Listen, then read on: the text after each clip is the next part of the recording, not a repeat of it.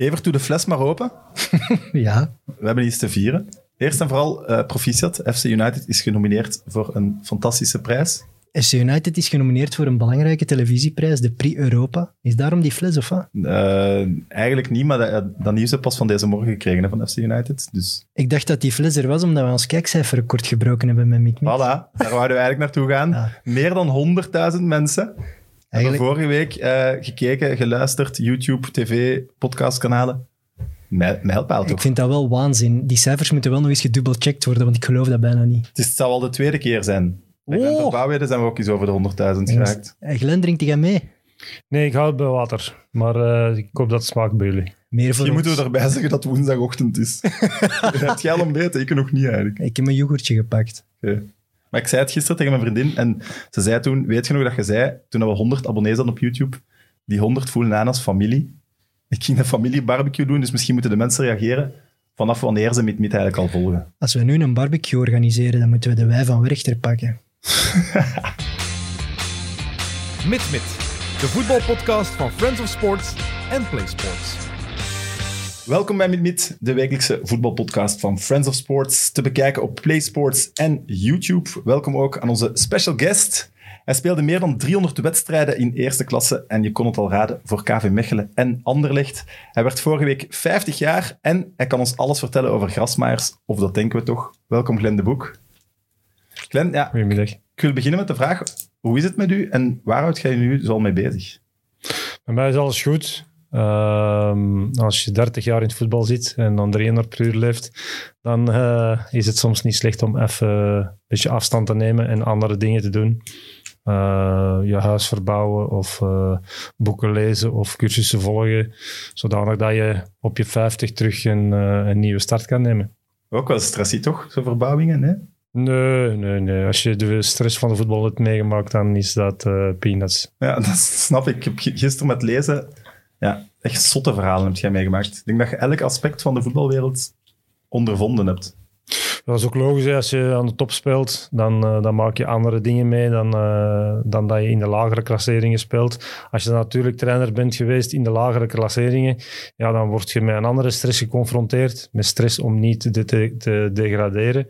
Eh, en dan word je natuurlijk wel snel opgeofferd. Vorig jaar was dat iets minder met het corona gegeven, omdat de clubs minder inkomsten hadden en zodanig ook moesten Dat is opletten te duur. het was te duur om een trainer aan de kant te schuiven. Ah. Dat is het enige seizoen waar ik dat niet in geweten. Maar ook dat zal terug veranderen. Dus, eh, maar qua stress valt dat goed mee. Vo- Voelt je nog trainer eigenlijk? Ja, Ja. Je bent beschikbaar? ik ben beschikbaar. Ik, eh, ja, ik kijk uit naar een, een nieuwe uitdaging. Ik ben ook wel in de running geweest eh, bij een aantal clubs. Ja, je weet, eh, heel veel clubs zijn overgenomen door buitenlandse investeerders. En die brengen dan hun eigen mensen mee. Of toch meestal. En als je dan in de running bent, ja, dan moet je net dat tikkeltje geluk hebben om toch maar, laat ons zeggen, de nummer 1 te worden of de nummer 1 te blijven. De meeste clubs zijn daar heel transparant in dat je niet de nummer 1 bent. Dat ze wel bij je terugkomen als ze een akkoord hebben met die nummer 1 of als je dan als nummer 2 terug aan de bak kan om te gaan onderhandelen. Eh, de meeste clubs zijn er vrij... Oké, dus die zeggen wel echt, Glenn, voor ons heb jij plan B. Ja, ja, Oké, ja, Ja, dat is wel mooi. ja. Ik had dat niet verwacht eigenlijk. Maar ik had Eh. nog gelezen, eh, in juni was je toch echt nog wel in de running bij Westerlo. Ja, er zijn een aantal clubs geweest waar ik, waar ik in de running was. Ehm, maar ik zeg het, dan moet je net op het goede moment ehm, ja, de juiste persoon tegenkomen. En ja, dat moet dan klikken of dat klikt dan niet. Er is ook het financiële aspect dat moet, eh, dat moet kloppen. Dus er zijn zoveel zaken die, die, waarin dat je moet overeenkomen. En als dat niet het geval is, ja, dan, moet- dan moet je voort. En dan, eh, dan wacht je op de volgende aanbieding. T- T1 of ook nog ooit T2? Nee, de bedoeling is T1 of zelfs misschien iets verder als een soort eh, technisch directeur eh, te gaan functioneren. Ik ben tenslotte ook vorige week 50 geworden, dus dat is niet niks. Proficiat. Dankjewel. We drinken ook op u. Oké, School. Uw gezondheid. 50 is het nieuwe 40, hè, dus. zeg maar 30. Nee, maar Ja. het, is wel, het is wel zo, toen, dat, toen dat uw, uw naam op de lijst kwam van ah, dat gaat een toffe meet-meet kunnen worden, dacht ik echt van ja, heeft hij heeft echt een degoe van het voetbal? Is hij daar helemaal klaar mee? En nu blijkt toch dat dat, dat niet zo is. Ik was daar een beetje van verschoten, want ik dacht ja, hij is wel out of the picture. Ja, nee, ik heb geen degoe van voetbal. Voetbal is mijn, is mijn leven geweest. Voetbal is, is, passie. Dat is altijd zo geweest. Ehm, maar als je, zoals ik zeg, al 30 jaar in het voetbal zit en je leeft aan 300 per uur, dan is het soms niet, niet slecht om even een beetje afstand te nemen, een beetje herbronnen. En dan bedoel ik vooral lezen en cursussen volgen, zodanig dat als er een nieuwe uitdaging komt, ja, dat je daar gewoon volledig klaar voor bent. Dat is het ook, hè. in het voet- huidige voetbal. Er verandert heel veel op heel korte tijd. Dus ik denk dat je ook bijna niet... Allee, als je geen cursussen volgt of je bent niet mee met die data en wat ze tegenwoordig allemaal doen, dat het heel moeilijk is om er daarna terug in te komen. Maar zo verandert de hele tijd iets. Maar als je gisteren de transfer deadline day bekijkt, Ja, dat spelers die, heel ouderwets. bijvoorbeeld, die misschien wel bij drie clubs had kunnen zitten en die dat gewoon begin van een dag niet weet. Ja. Ja, maar allee, ja. Nee? om, om op die data terug te komen. ehm, data moet ook niet overdreven worden. Eh, het is belangrijk, natuurlijk. maar het is een tool. Eh, het, is een middel om, om, om te gebruiken, maar het mag geen doel op zich zijn om alles van die data te laten afhangen. Want tenslotte eh, gaat er ook nog een stuk gevoel mee als coach. Eh, ben je ook afhankelijk van de kwaliteit van je spelersgroep. Dus op dat vlak denk ik wel dat die data voor mij, hoe dat ik naar voetbal kijk, dat die een klein beetje overdreven wordt. Snap ik ook. Ja, en die cursussen waar je dan over spreekt, dat, dat, dat zijn mentale cursussen of teamcursussen of tactiek of ik weet het niet. Ja, zo die dingen. En dan, en dan people management. Want allee, ja, een coach vandaag de dag, ja, die, die is verantwoordelijk voor 50, 54 mensen. En dan bedoel ik alles tezamen. Spelers, medische staf, eh, technische staf, al de omkadering daar rond. Ja, je moet al die mensen wel op dezelfde lijn krijgen. Je moet wel een idee hebben van hier sta ik voor als trainer. En al die mensen die moeten hetzelfde uitdragen. Want als daar één iemand tussen zit die niet hetzelfde uitdraagt, ja, een spelersgroep voelt dat en een spelersgroep maakt daar gebruik van. Ja, daar ben ik al mee eens. Ik denk dat een trainer tegenwoordig is bijna meer people management dan echt bezig zijn met die elf spelers moeten spelen. Dat is ook een belangrijk aspect, maar als je ziet hoe professioneel het eraan toe gaat en hoeveel mensen er rond zo'n coach hangen, ja, je moet dat allemaal managen. Hè. Ik zag dat bij Philippe Clement, die heeft acht assistenten of zo. Ja, je moet dat allemaal managen. Hè. Ja, maar als je zo'n spelersgroep hebt, is dat ook logisch. Ehm, je kan niet als, als coach eh, met alle aspecten tegelijkertijd bezig zijn. En daar, daarin vind ik altijd, je moet je omringen met goede mensen. Er zijn heel veel mensen die dat niet doen. Ik doe dat altijd.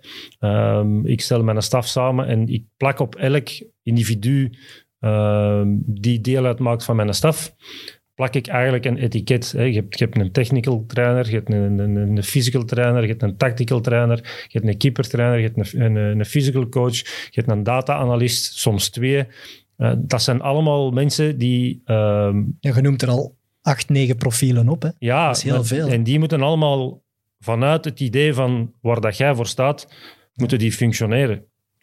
En dat duurt altijd even om, allee, of afhankelijk van wie dat je kiest, dat duurt altijd even om die allemaal mee te krijgen in uw verhaal.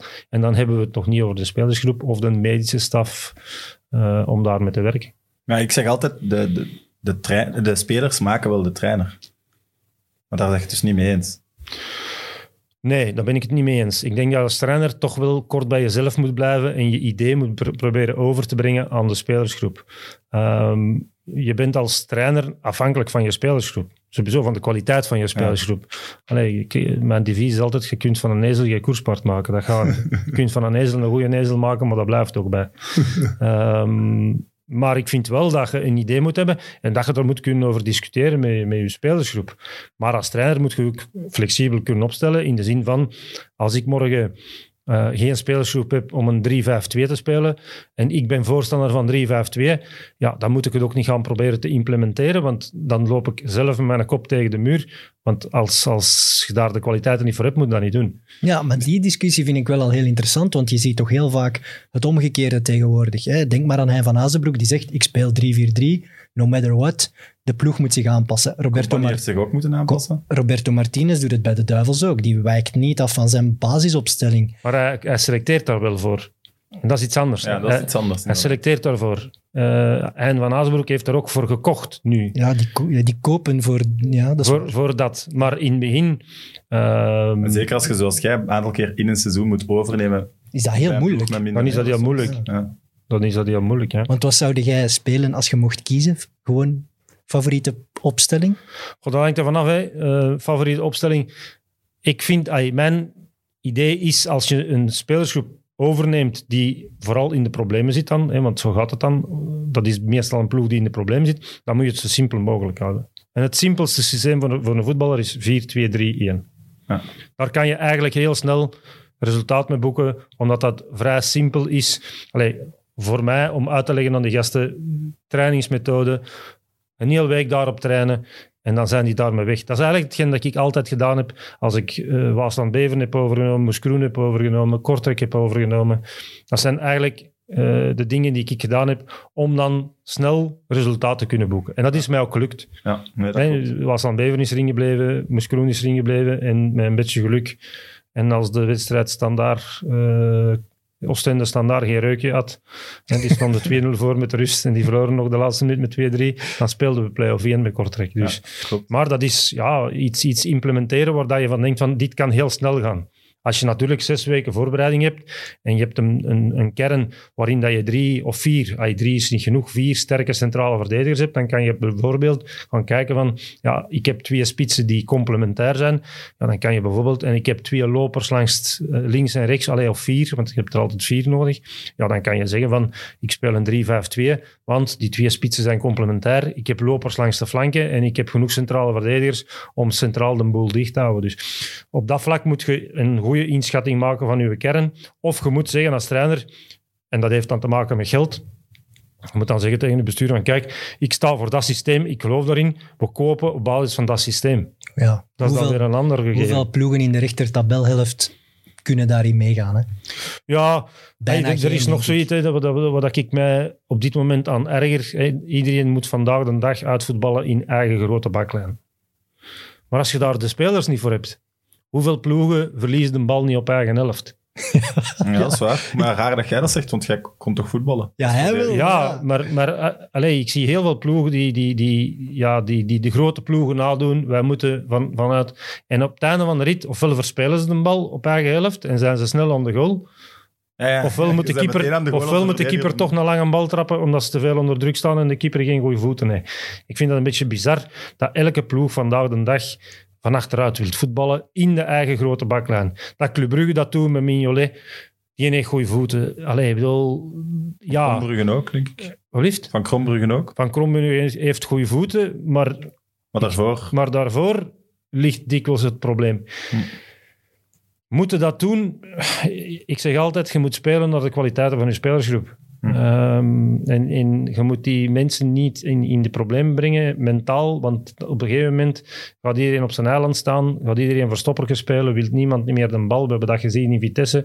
Geen initiatief. De enige dat nog initiatief pakte, en die was dan eigenlijk nog niet in de wedstrijd, dat was Refailov. Eh, want die heel veel slechte passes, maar, maar die nam tenminste nog initiatief. Vanuit zijn ervaring eiste hij een bal op. Maar al de rest, ja, die gingen verstoppertje spelen. Omdat die druk, ja, op die wedstrijd, je moet dat niet onderschatten. Hè.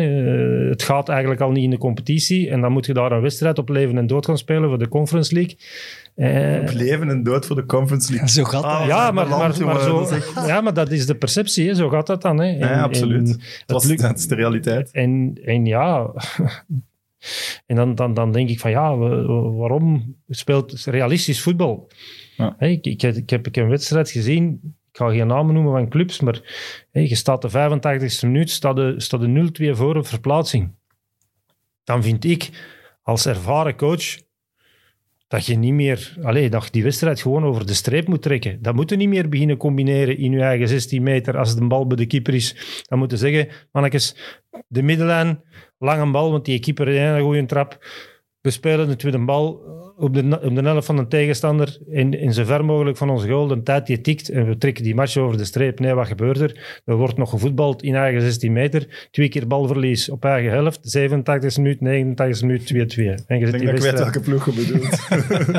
en- maar nee, maar die is ook als en- er 1-2 valt, dan is het en, en, en je speelt gelijk. Allee, ik vind als je als, je als 0-2 als, als gerenommeerde ploeg 0-2 voorstaat op een moeilijke verplaatsing. Ja, dan speelt je gewoon een bal. Dan trekt je die wedstrijd over de streep. En dan gaat niemand.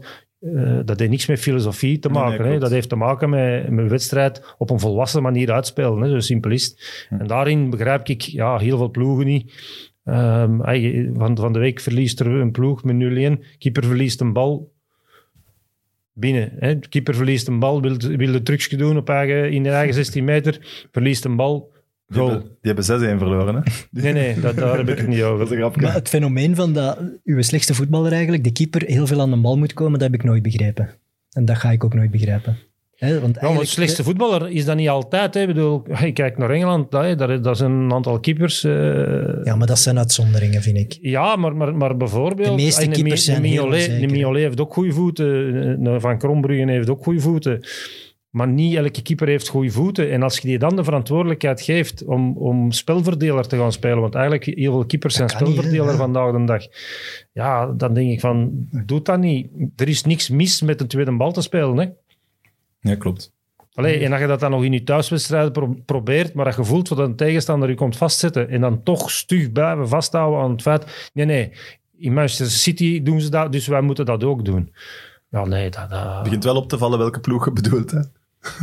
nee maar, maar ik zie dat... Ik, ik, ik fixeer niet één bepaalde ploeg. Ik fixeer gewoon... Ik kijk naar, naar heel veel voetbal. En Maar- ik, ik, ik, ik stel gewoon vast... Allee, kijk nu naar de ploegen in de rechterkolom van... van van de rangschikking, hoeveel ploegen van die, van die, van die acht Daar staat de ploeg die ik bedoelde ook, effectief. Wie Anderlecht. Ja. Staan die, staan die in de rechter tabelhelft? Voor Genk, dus ja, na Genk, niet dat je naar de linkerkolom gaat.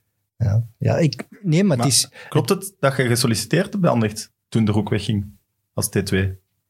Er is even contact geweest, maar dat is eigenlijk eh, niet... eh, dat is via via gegaan, eh, maar niet rechtstreeks met Anderlecht. Nee. Want jij kunt toch compagnie bellen? Als je dat zou willen, kun je compagnie toch rechtstreeks bellen? Ja, maar dat ga ik niet doen. Ik heb dat nooit niet gedaan en dat ga ik zelf ook niet doen. Ehm, het is gewoon via een kennis die zei van, dat is toch iets voor u nu, waarom zouden dat niet doen? Ik zeg, ik ga dat zelf niet doen als jij daar initiatief voor wilt vernemen. En die heeft dat dan blijkbaar gedaan, maar achteraf is daar niks meer van, eh, van gekomen. Maar je zou er wel nog wel zien zitten bij iemand als compagnie, omdat dat wel een project is waar dat je wel in gelooft. Als je dat doet, dan moet dat, dan moet dat, dan moet dat klikken en dan... dan ja, Maar jullie hebben Ik- duidelijk ik ben een- natuurlijk- een andere visie, hè? Ik ben natuurlijk Dus- ook ja, een andere visie. Complementair het is, kan het ook, is niet erg. Kan ook. Het kan is ook. niet erg om een andere visie te hebben. Ehm, ik heb altijd mij omringd met sterke mensen en hadden wij altijd dezelfde visie. Nee, op het einde van de rit is de hoofdtrainer die het bepaalt.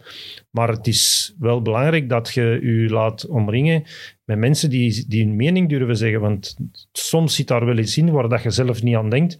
En ik deel altijd met mijn assistenten eh, de info naar de volgende wedstrijd toe. En ik laat altijd mijn assistenten een, een, een, team op papier zetten waar zij van denken dat is de best mogelijke oplossing. Op het einde van de rit is kies jij iets helemaal anders. ja, nee, maar soms zijn er wel ideeën waarvan dat je van denkt van, ah, hier had ik zelf nog niet aan gedacht. En dan kan je, dan, dan kan je daarmee weg en dan, dan kan je daarmee vooruit. Maar ik, al- als ik morgen T2 zou terug worden, eh, dan, dan zou dat met iemand moeten zijn waarmee dat, dat klikt. Eh, Maar we kennen en, en, en ook met iemand die geen schrik heeft van, ja. Van u als T2 te van, van mij als ik, ja. T2. Want allee, ja, ik ben iemand heel loyaal. Ik heb met Frankie gewerkt. Ik ben met Frankie Verkouter altijd heel loyaal geweest. Eh, moest hij je mij morgen, geen- moest je hij mij morgen bellen, dan, dan zou ik dat overwegen om dat te doen. Dat is het wel Eh, inderdaad. Je zet, wat dat jij zegt, je zet geen grijze muis. Als je komt Glenn- iemand binnen ja, als je T2 Glenn de wel Boek als T2 neemt, dan weet je wel inderdaad dat je die discussies over voetbal gaat krijgen. Ja, die discussies over voetbal wel, maar, maar ook een duidelijke afleiding en ook een duidelijk signaal geven van kijk, eh, ik ben hier niet om aan je poot te zagen, ik ben hier om een meerwaarde te bieden op tactisch vlak. En, eh, als, en ik wil dat zelfs, dat meen ik echt, ik wil dat zelfs op papier zetten, dat als die trainer morgen de laan wordt uitgestuurd, dat ik dan op datzelfde moment mee opstap en dat ik niet degene zal zijn die, die zal overpakken. Want dat vind ik altijd zo'n raar verhaal. Eh, de, de T1 wordt ontslagen en dan lees je van een T2, eh, die wordt dan zogezegd de interim coach Ja. en die gaat dan niet zeggen van, maar ik wist waar dat het fout liep. Hè. Heb je dat En- zelf meegemaakt? Ah, ja, ik heb nee, dat maar- zelf niet meegemaakt, maar Nee. ik weet trainers die hebben dat meegemaakt. Zo van, de T2 die krijgt dan hè, de kans om over te Ja. nemen en die zegt dan van, ja, maar ik weet waar het fout loopt. Eh, Dat is je zult wel zien. ja. Dan denk ik in mijn eigen van, ja, maar als je dan weet dat, waar dat fout loopt, waarom je het dan niet aangekaart op het moment dat je daar nog zat Ja, en heb je, een- heb je een trainer niet geholpen? Je zegt wel, ik luister naar al mijn assistenten, maar de hoofdtrainer beslist. Dus misschien zijn assistent het wel in sommige gevallen en besliste de hoofdtrainer. het Ja, maar dat, dat, dat, ai, daar, daar moet een hoofdtrainer niet in onderschatten. Ik bedoel, in, als je in een moeilijke situatie zit, in een penibele situatie, dan zit je altijd meer luisterbereid naar eh, info waar, van je assistenten. Dan op het moment dat het, dat het goed gaat, dan weet je van, ik zit in een goede draaf. En dan zullen die assistenten ook wel zien van, ja, hij, hij, hij zit op, de, op het juiste pad. Op het moment dat je niet meer op het juiste pad zit en je ziet als assistent van, ik denk hier ergens anders over, dan zou je als hoofdtrainer ja, redelijk dom zijn om niet, niet open te staan voor die info en die info mee te nemen en daar ook iets mee te doen. Dat is, dat is een groot verschil. Want als er, nu, als er nu een ploeg zou komen voor u voor T1 te zijn, dan lijkt het mij dat het sowieso een ploeg zal zijn die niet aan de top speelt. Omdat ja, je bent nu werkloos, je hebt nu geen club, dus je gaat sowieso bij een ploeg terechtkomen waar de kwaliteiten sowieso wat minder zijn. Dus je gaat daar toch weer... Maar daar ben ik niet Ander bang van. soort voetbal dat- ik vind dat ook een interessant gegeven. Uh, het is altijd makkelijker om veel kwaliteit te hebben en, en, en daar iets van te maken. Uh, in, in het tussenseizoen, je hebt zes weken. Als je, als je morgen een ploeg overpakt, oké, we zijn nu in een interlandbreek, dan heb je twee weken. Maar op vijf dagen tijd, ik heb dat meegemaakt uh, met uh, Waasland-Beveren, heb ik dat meegemaakt. Ja, je wordt dinsdag aangesteld en zaterdag heb je een match. Ja, dan, dan dat is kort dag, hè. dan heb je niet veel tijd om, om, om bij te sturen. Hè. En, en toch zijn Vijf we daarin dagen, geslaagd. De eerste wedstrijd, ik zal de nooit vergeten, ze hebben nu nog. KV Mechelen. Ja. um, Christophe okay. Lepoint. Ja, inderdaad. Um, en, en ja, op, en, we hadden nog acht wedstrijden en na zeven wedstrijden waren we gered. En dan zijn ze vertrokken. Als je die eerste match wint ja, ja, als nieuwe tuurlijk, coach, je, dan... Je, ja. je hebt een beetje uh, geluk nodig op dat moment. Maar crisistrainer wil het toch ook niet zijn? Dat is toch geen stempel dat je wilt als coach? Nee, maar ja... Pff, maar die stempel uh, heb je wel, want je hebt, wat, wat we daarnet ook zeiden in de voorbereiding, je hebt wel heel veel clubs gered uit de modder. Ja, het jaar nadien ja, wacht jij dan vaak kop van Jut. Ja, maar langs de andere kant heb ik uh, bijvoorbeeld ook Cercle Brugge een heel mooi parcours geschreven. Zeker, uh, ja. Oké, okay, nadien de verkeerde beslissing genomen. Hè. Je hebt het al eens een keer aangehaald in je inleiding. Ik ga het zelfs nog eens aanhalen. Ah, Oké, okay. liever niet maar hè, als je dat toch wilt doen. Dan laat die gaan. Ja, we moeten ergens beginnen. Ja, zeg maar als je er niet op wilt. Pak eens nog een glas champagne, nee. dan, dan, kunnen we, dan kunnen we discussiëren. Ja. Maar dat is wel inderdaad, als het trainersleven van Glenn de Boek is voor mij inderdaad nog altijd de, de, de stormachtige opkomst bij Cercle. En dat zal toch altijd zo zijn. En dat is ook denk ik wat iedereen in de voetbalwereld aan terugdenkt van ja, waarom niet terug die grote kans geven, want bij Cercle Brugge was wel impressionant. Ja, en daar was maar, niks. Hè. Ik zal u zeggen, ik kwam vanuit, vanuit 12 jaar Anderlecht. Ik kwam bij Cercle Brugge terecht en daar was niks. Hè. Die hadden een budget van 3 miljoen. Daar was niks. We zijn op drie jaar tijd van 3 miljoen budget naar 8 miljoen gegaan. Van uh, gemiddeld 3000 toeschouwers naar 10.000 toeschouwers gemiddeld op drie jaar tijd. We hebben de tweede plaats, de zevende plaats, de achtste plaats, kwartfinale, alle finale, finale van de beker. Dat was gewoon... Dat weet was... het nog allemaal. Ja, ja, ja, ik weet dat nog goed. Ik denk dat je zo'n uh, dingen wel ook niet vergeet. En dat was een prachtige periode. Alleen ja, maakte dan op een gegeven moment de verkeerde beslissing om naar Beerschot te gaan, omdat je denkt van uh, het Antwerps voetbal uh, terug uit het slop te trekken. Maar ja, daar komen dan de verkeerde mensen tegen en dan, ja, dan heb je een probleem. Hè. Maar, maar ik zou willen misschien ah, nog beginnen. Ja, jij mocht. Als, want je bent begonnen als T2, we hebben het lang over T2 gehad, maar mm -hmm. je bent begonnen als T2.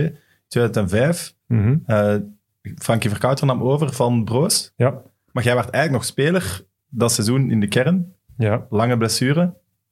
Moeilijke beslissing, want dat moet dan toch snel Een heel gaan. moeilijke beslissing. Uh, ik kreeg op, Ineens stoppen, uh, op en... maandagmiddag kreeg ik telefoon van Frankie dat ik s'avonds om acht uur bij moest zijn. Uh, ik had, uh, over hetgeen dat we nu spreken, is februari, denk ik. Ja. En ik had in december, begin december, mijn kruisband voor de tweede keer van dezelfde knie gescheurd. En ik had een enorm gat in mijn kraakbeen. Oei.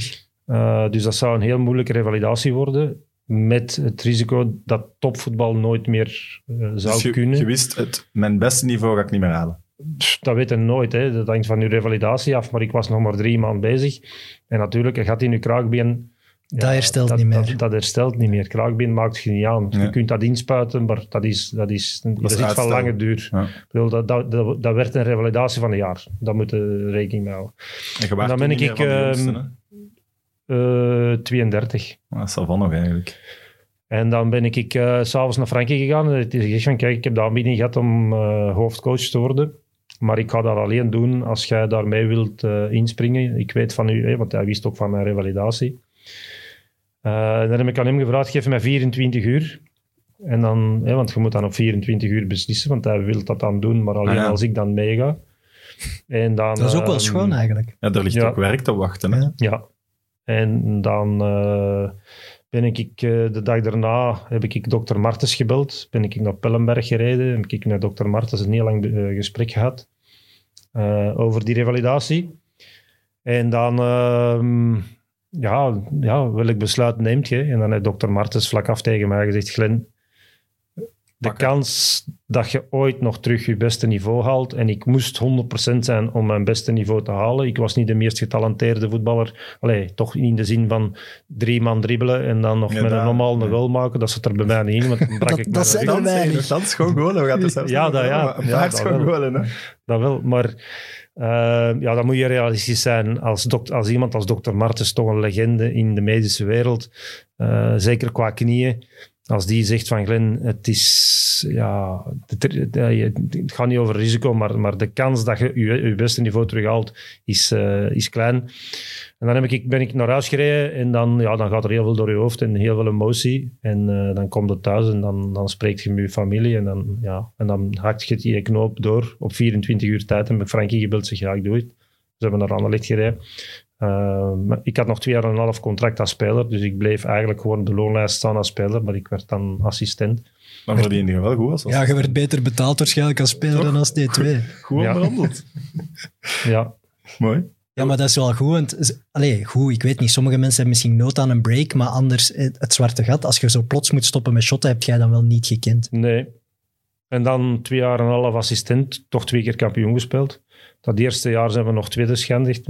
Bro is dan ontslagen toen we zevende stonden, denk ik. Zijn we nog tweede schendigd. Correct. En dan de twee jaar nadien hebben we kampioen gespeeld. Was dat niet raar naar die spelersgroep toe, denk ik dan? Want Nee, want ik, had, speler ik had natuurlijk nog wel mijn... Ik, ik, ja, de, raar in de zin van... Frankie wou dat ik afstand nam buiten het veld van de spelers. Hè, want ja, wij, wij hadden een spelersgroep, wij gingen heel veel op stap sa- samen. eh, of iets eten samen. Of, dus dat moest dan weg. Dat is het, het aspect dat wegviel. Langs de andere kant zat ik als kapitein nog wel in die spelersgroep. Ja, klopt. En, en dat was wel een voordeel. Eh, Zeg je daarmee eens met Frankie dat dat moet? Afstand bewaren? Technische hij was de baas. Hè. Hij, hij bepaalde. En, en in het begin was dat moeilijk voor mij. Want ja, van de ene op de andere dag Voilà. eh kun je aan de overkant van het stadion niet samen nog een spaghetti gaan eten na de training. Want je zit in de staf en niet meer in de spelersgroep. Dat moet raar zijn. Ehm, Ja.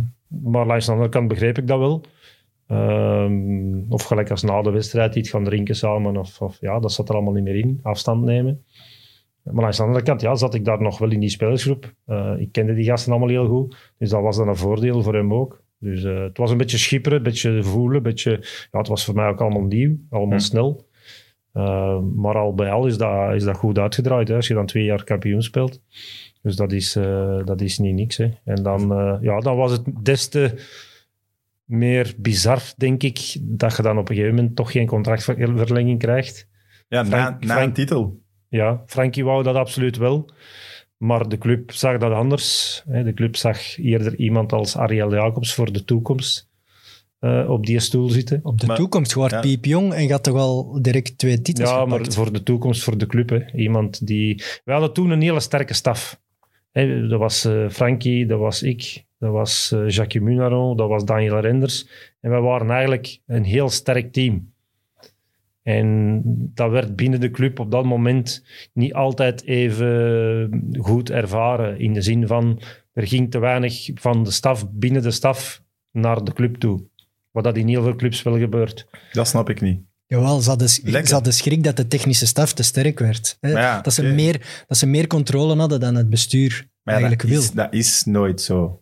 Bestuur kan... Allee, is toch de ja, dan alles daarmee, dat hebben ze ook gedaan. Ja, Ze maar hoe hadden kun je daar dan schrik van hebben? Ik zou altijd denken, als ik een club zou runnen, Ja, met technische ken- staf moet nee. zo sterk zijn. Ik ken heel veel bestuurders die, die daar schrik van hebben, van een te sterke coach of een te sterke maar dat technisch gaat dan directeur. over, ik haal een speler en een trainer wil die niet Ja, opstellen. Bijvoorbeeld, niet. Allee, ja. Ik heb te weinig macht in... Of ik kan zelfs niet mee de opstelling bepalen. Hoeveel Ah, ja, voorzitters zijn er zo niet geweest? Ja, maar wat dat je bijvoorbeeld ook in heel veel clubs zit, is dat, dat een, een, een staf, dat zit allemaal in dezelfde kleedkamer. En daar zijn altijd, ja, ik noem dat fossielen van de club. Eh, die, die, die al zo lang in die club verweven zitten en die dan ja, connecties hebben aan de bovenkant. En het, er is dus makkelijk is het telefoonnetje geplaatst van wat gebeurt er in de trainerstaf? Ja. Eh, hoe zit dat in die kleedkamer? Gaat dat daar? En er zijn altijd dingen die verteld worden die eigenlijk niet zouden moeten verteld worden. Eh, ik heb dat in heel veel clubs meegemaakt en dat is heel moeilijk werken. zal ook overal gebeuren, denk ik. Dat is heel moeilijk werken. En dat was in Anderlecht dus niet het geval. En, ja, op de een of andere manier wou de club dat wel, daar iemand zetten die toch wel eh, een klein beetje affina- eh, affectie had met de, met, de, met, de, met de clubbestuurders of met het hogere management. Maar ja, dat is, dan, stond- dat is dan ook fout gelopen, hè, want eh Frankie is dan denk ik al in september paar- ontslagen, paar later, hè. eh, ontslagen geweest. Ja, als je, Terwijl, hij, terwijl hij nog op drie fronten actief was, Ja. net twee titels gepakt. Dat je- was wel veel om te doen, hè? Oké, maar als jij tegen mij zegt wie, wie heeft het meest sterke karakter, om het zo te zeggen, of is het meest ja, eh, leidinggevend, Frankie Verkouter of Ariel Jacobs, ja, dan snap ik dat Frankie Verkouter misschien wat koppiger kan zijn en dat je dan als club denkt, laat ons Ariel Ja, maar naar voren schuiven, dat is misschien wat zachter, wat makkelijker. dat weet jij beter. Maar Ja, Het is toch, niet- lijkt mij een kijk op het- het- Frankie Verkouter. Ja, het, het- het- ik het denk feit was, en, en dat, Ja, die ken ik dat, soort ervaring heb ik ook. Het feit is dat dat, dat, moet, dat moet klikken tussen, tussen een T1 en een T2. Dat moet klikken. En als dat niet klikt, dan zorgt dat voor vrevel. Dat is zo. En vrevel kun je missen, want ik zeg het, een spelersgroep voelt dat, een spelersgroep ziet dat en die maakt daar misbruik van. Ja. Zeker de spelers die niet spelen. ja, het is dat vooral Die de maken daar dat misbruik je- van dat en je dat je kunt niet je alle niet, dat gezag kun hebt, je ja. niet tegenhouden. Dus op een gegeven moment kreeg ik een aanbieding van Cercle. En heb ik tegen Frankie gezegd van Frankie, hé, hoe zit het met mijn contractverlenging? Want die wou dat absoluut wel. Ze zei, Glenn, ik krijg daar op dit moment geen beweging. Ik zeg, ja, ik heb een aanbieding van een andere club. als Ze zei, T1 ook. Als T1. Allee, technisch directeur eigenlijk. Nee, in, in het eerste jaar niet. Het eerste jaar niet. Ah, Tweede- dat, ah, maar- het tweede jaar is dat bijgekomen. In het tweede jaar is dat, was dat echt technisch directeur, maar waar- want je had toch geen trainersdiploma? Zo, zo had ik het gelezen. Ja, maar ik had dan... Dat dat ja, omzeilen, ja. dat je wel meteen technisch, maar nog niet die macht had, zeg maar. Ja, ja, ja. Zo was het. Ja. Ehm, en dan, ja, dan ben ik ingegaan. Frankie kon mij, niet, kon mij absoluut niet garanderen dat dat in orde ging komen. En dan heb ik eh, ja, eigenlijk vrij, vrij snel, veel te snel eigenlijk voor mezelf, die stap ge- gemaakt. Eh, ik had Waarom? altijd voor mijn eigen uitgemaakt dat ik eh, eerst eh, toch van een aantal trainers een aantal dingen zou willen opsteken tot mijn 40, 45, om dan de stap naar hoofdtrainer te maken. Want dat je ziet, de meeste trainers eh, zetten pas na hun 40 de stap naar hoofdtrainer. Nu, nu terug weer meer, ja. Ja. Vroeger was het toch rapper weer. Het is een tijd geweest in uw periode dat het rapper Ja, was. En bij mij was dat dan ja, door omstandigheden vrij snel. Oké, dat is dan goed gegaan. Maar nadien is dat dan... Ja, je zit ook nog jong en je pakt keuzes. Drie jaar Cercle Brugge, top. En dan, ja, dan komt Beerschot en die beloven nu veel. En, en al die beloftes, dat bleek lucht te zijn.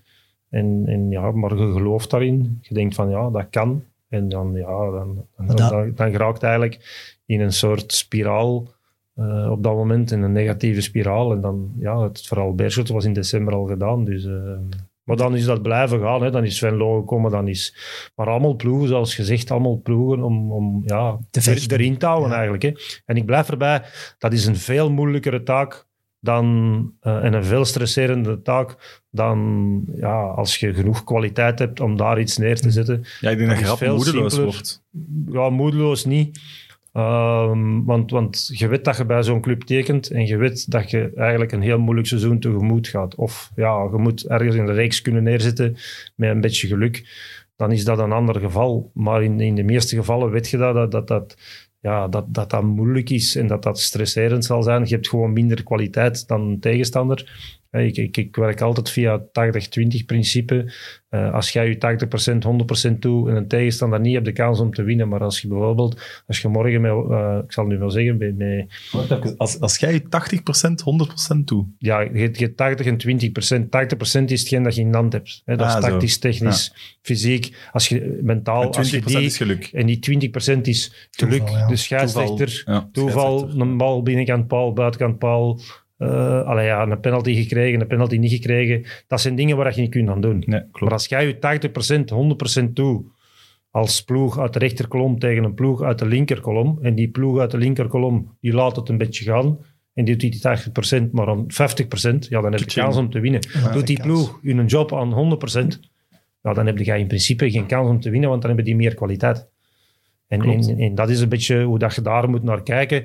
Als, als, ik probeer altijd naar te streven dat mijn spelers hun job die 80% aan 100% doen. En dan kunnen ze niks verwijten. Als Ja. ze dat niet doen, ja, dan heb je als trainer heb je wel een aantal dingen, aanmerkingen. Waarom niet, waarom wel.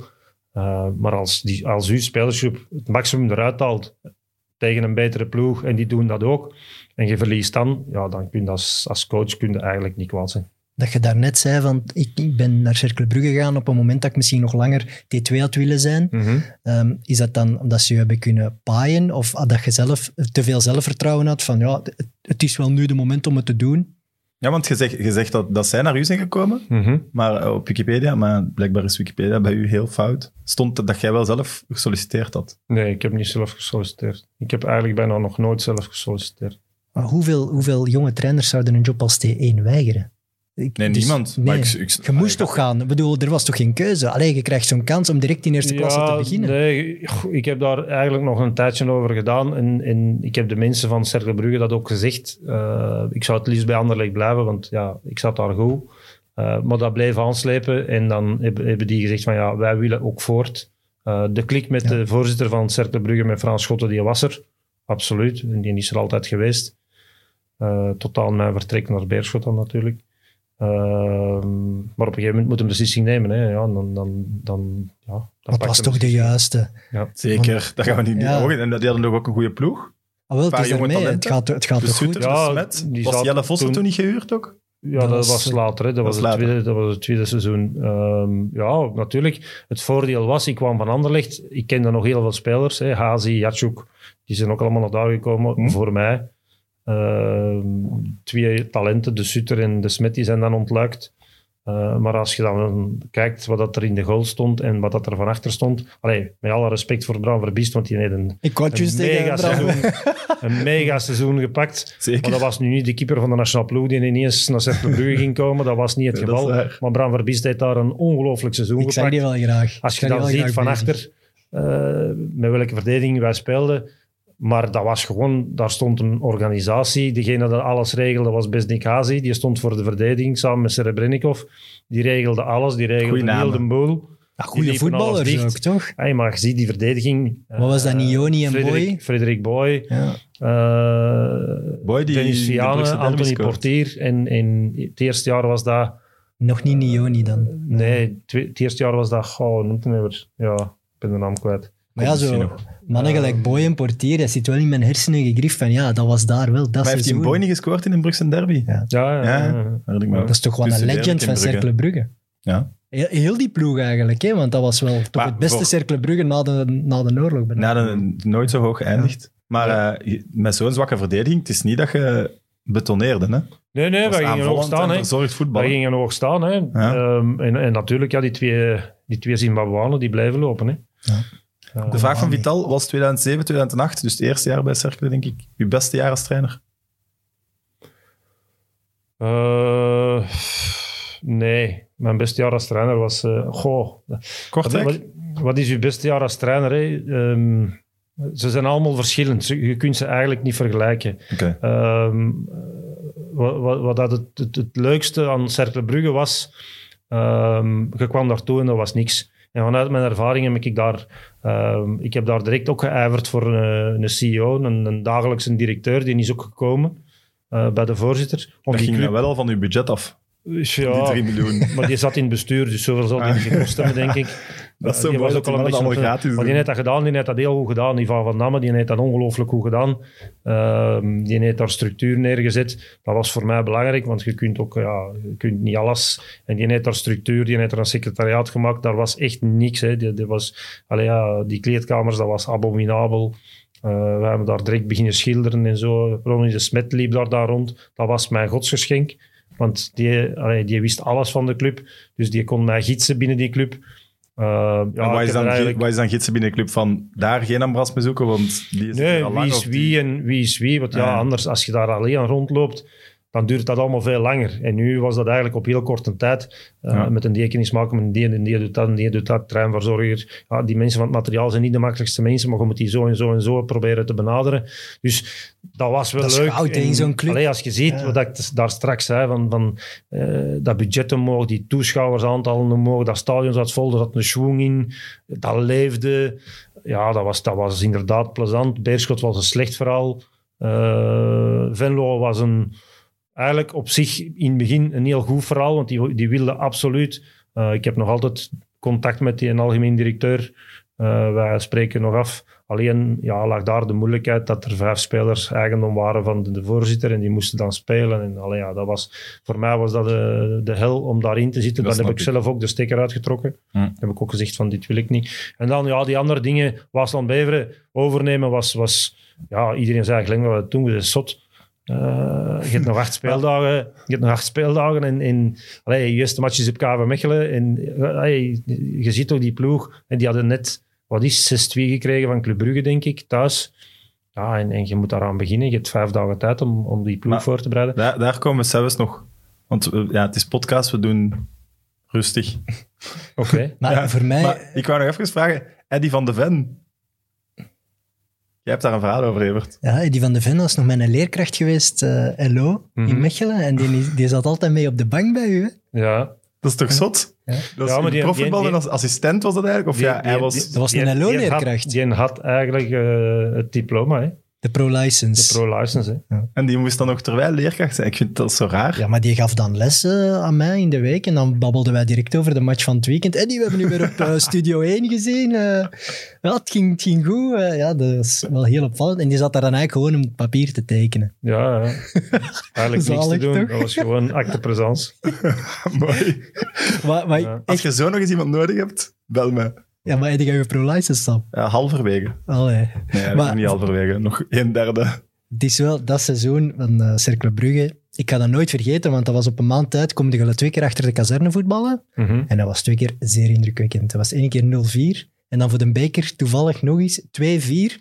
En dat was Mhm. na 20 minuten 0-4. Ja. En wij stonden daar ja, drie of vier keer Tom de Sutter. En wij stonden daar naar te kijken. Wat is deze hier? Wat gebeurt hier allemaal? En dat was echt zo van... Heel aanvallend, heel dynamisch voetbal. Heel veel jong talent. Ja, dat was Met vernieuwend. de Sutter, de Smit. Hij dacht, maar hoe kan die? Dat verschil tussen Mechelen en Cercle is zo groot. Zwaar. Ja, dus dat, dat is mij altijd bijgebleven van dat seizoen. Van hoe, hoe aantrekkelijk dat, dat was. Mhm. Heb jij Tom de Sutter overtuigd om niet naar AZ te gaan? Nee. Nee? Want dat, ja, die hebben wel serieus aan zijn mouw getrokken en uiteindelijk heeft hij beslist om toch nog te blijven. En dan sloeg het noodlot toe. zeg. Hij zei... wat- hij- hij- Ik weet niet meer het- was exact. het de maar- voorzitter schotten of waar de jij het? Hij zei, een van de twee heeft mij Het tegengehouden. zal alle twee geweest zijn. Ja. Je gaat ook nooit tegen uw beste spits zeggen, ja, bol het maar af. Allee, ja, dat zou raar zijn. Tenzij dat je er heel veel geld voor krijgt als club. Dat is waar. Ja, dan, dan helpt het u ook weer natuurlijk. In 2010 eh bekerfinale gehaald. Ja. Kansloos verloren wel. Mhm. Maar ik eh, had in het programma van PlaySport T1 gehoord dat in aanloop naar de bekerfinale er iets was met de medische staf dat je wou veranderen of een dispuut of... Eh, dat was op dat moment die overgang naar technisch directeur.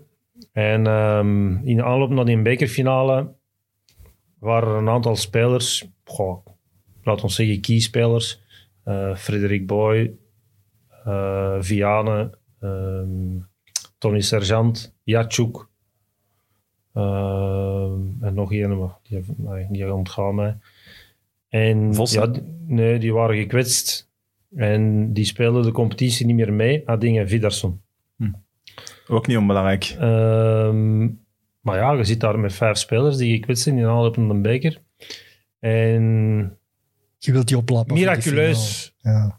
waren die ineens zo gezegd drie dagen voor de bekerfinale waren die allemaal fit. ja, fit, wat is fit hè? Dus dag voor de wedstrijd, training, er waren een paar gasten die speelden, die, die, hoe dat ik daar naar keek, die trainden met een handrem op. Die konden niet voluit gaan. Dus die waren niet Maar fit. ja, voor, voor die gasten was dat ook once in a lifetime.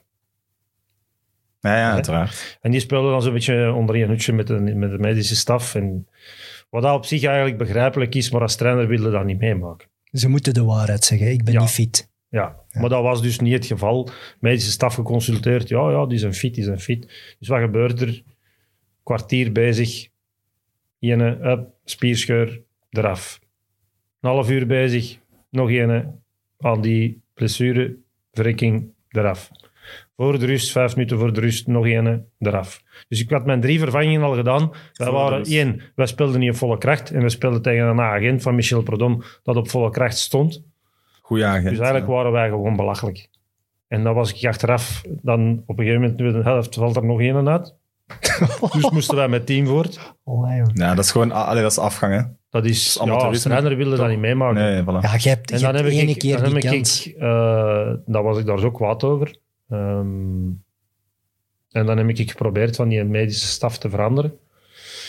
Maar dan komt het bij de heilige huisjes van een club, een, traditionele club, komt het dan bij de heilige huisjes terecht. En dat ging dan niet, want die, die mochten niet gesloopt worden. En dan, ja, Omdat dat vrienden zijn van de voorzitter of zo'n dingen. of van iemand van het bestuur. Of, Ja, maar dokters zijn vaak pionnen die, die daar al jaren zitten, die daar ook blijven zitten. Ja. Dat veranderde niet zo snel. Ik had bij, bij Real Madrid is het zelfs ook. Dat is, Ah, is dat een zo? dokter is blijkbaar een goede vriend. Ze hebben daar wel iemand bijgezet, maar vervangen doen ze nooit. Gelijk die van Bayern München. Dus ja, dat zijn dingen die in het voetbal gebeuren. En, ja, en dan komt die een telefoon van Beerschot en dan begin je na te denken. En dan, Je had dan misschien het gevoel dat het bij Cercle op was. Je had daar drie jaar alles ik, wou, ik, gegeven. wou, ik wou de volgende stap zetten. Ik wou de volgende stap eh, Ik had echt in wel- april wel verlengd. Liefst? Ik had in april wel uw contract verlengd. Eh, ja, eigenlijk al in februari. Ah. In april was getekend, maar we hadden al een akkoord sinds februari. Ja. Oké. Ja. Want dan, dat is wel een legendarische quote van u. Als mijn gras maar niet stuk was, zat ik, ben ik bij Cercle gebleven. Want je hebt dan verteld dat doordat de gras maar een stuk is, Eh, dat je met... Ja, ja, toen heb ik in contact gehad met... En ik heb daar nog altijd contact mee. Want ik heb, onder, ik heb een paar weken geleden terug een nieuwe grasmaaier Ja, ik wou net vragen. Ik heb een nieuwe grasmaaier. Eén appel, en trick. Als een robotmaaier. Nee, nee, nee. nee. Zijn er dat vanzelf? nog niet. Nou, nee, Je doet het wel ik loop er zelf. nog zelf Ja, ja. achter. Ja, ja. Allee. Maar inderdaad, ik heb met die mensen... Ja, en... ehm, Maar dat is echt zo gegaan. Eigenlijk is dat... Dat verhaal heeft mij achteraf natuurlijk wel achtervolgd en de mensen hebben daar grapjes over Ja. gemaakt. Maar eigenlijk is dat gewoon de waarheid. Was dat de waarheid? Blijkbaar mogen de waarheid niet zeggen, want dan lachen de mensen daarmee. hè? Ik lag daar niet mee, maar het is wel opvallend. De buitenwereld. Ja. Het is wel opvallend. De nieuwe grasmaaier zou je de hoek van de straat in de grasmaaierwinkel zeg maar. Ja, maar ik ken Herman, al, Herman Kesters ken ik al jaren van daarvoor. Hè. Maar het kan ook een smoesje zijn om niet te moeten zeggen dat je zelf naar Beerschot bent gestapt en je zegt van jongens, ik wil de volgende stap Nee, dat maken. is nu. pff, Op dat vlak heb ik geen geheim. Ik bedoel, moest dat zo zijn, dan zou ik dat ook gezegd hebben. Maar dat was niet het geval. Het is, het is, het is door, door daar met te bellen. En, ja, ik had dan net bijgetekend. Ja, hè, nu ziet u de toekomst daar. En, en wat gaat de Gelle doen? Hè? Want Jos Daarde was toen trainer bij Beerschot. En, Maar dat was al geweten dat die ging, die ging weggaan. Hè? Die ging Ja. weggaan. Ja. Ja, wat gaat de Gelle doen? Ja, we weten het niet. En, en, en, heb jij geen goesting? Ja, je weet hoe dat zo'n gesprek gaat. Heb jij geen goesting? Je krijgt een gratis grasmaaier. Nee, gratis heb ik die niet gekregen. Maar, Allee.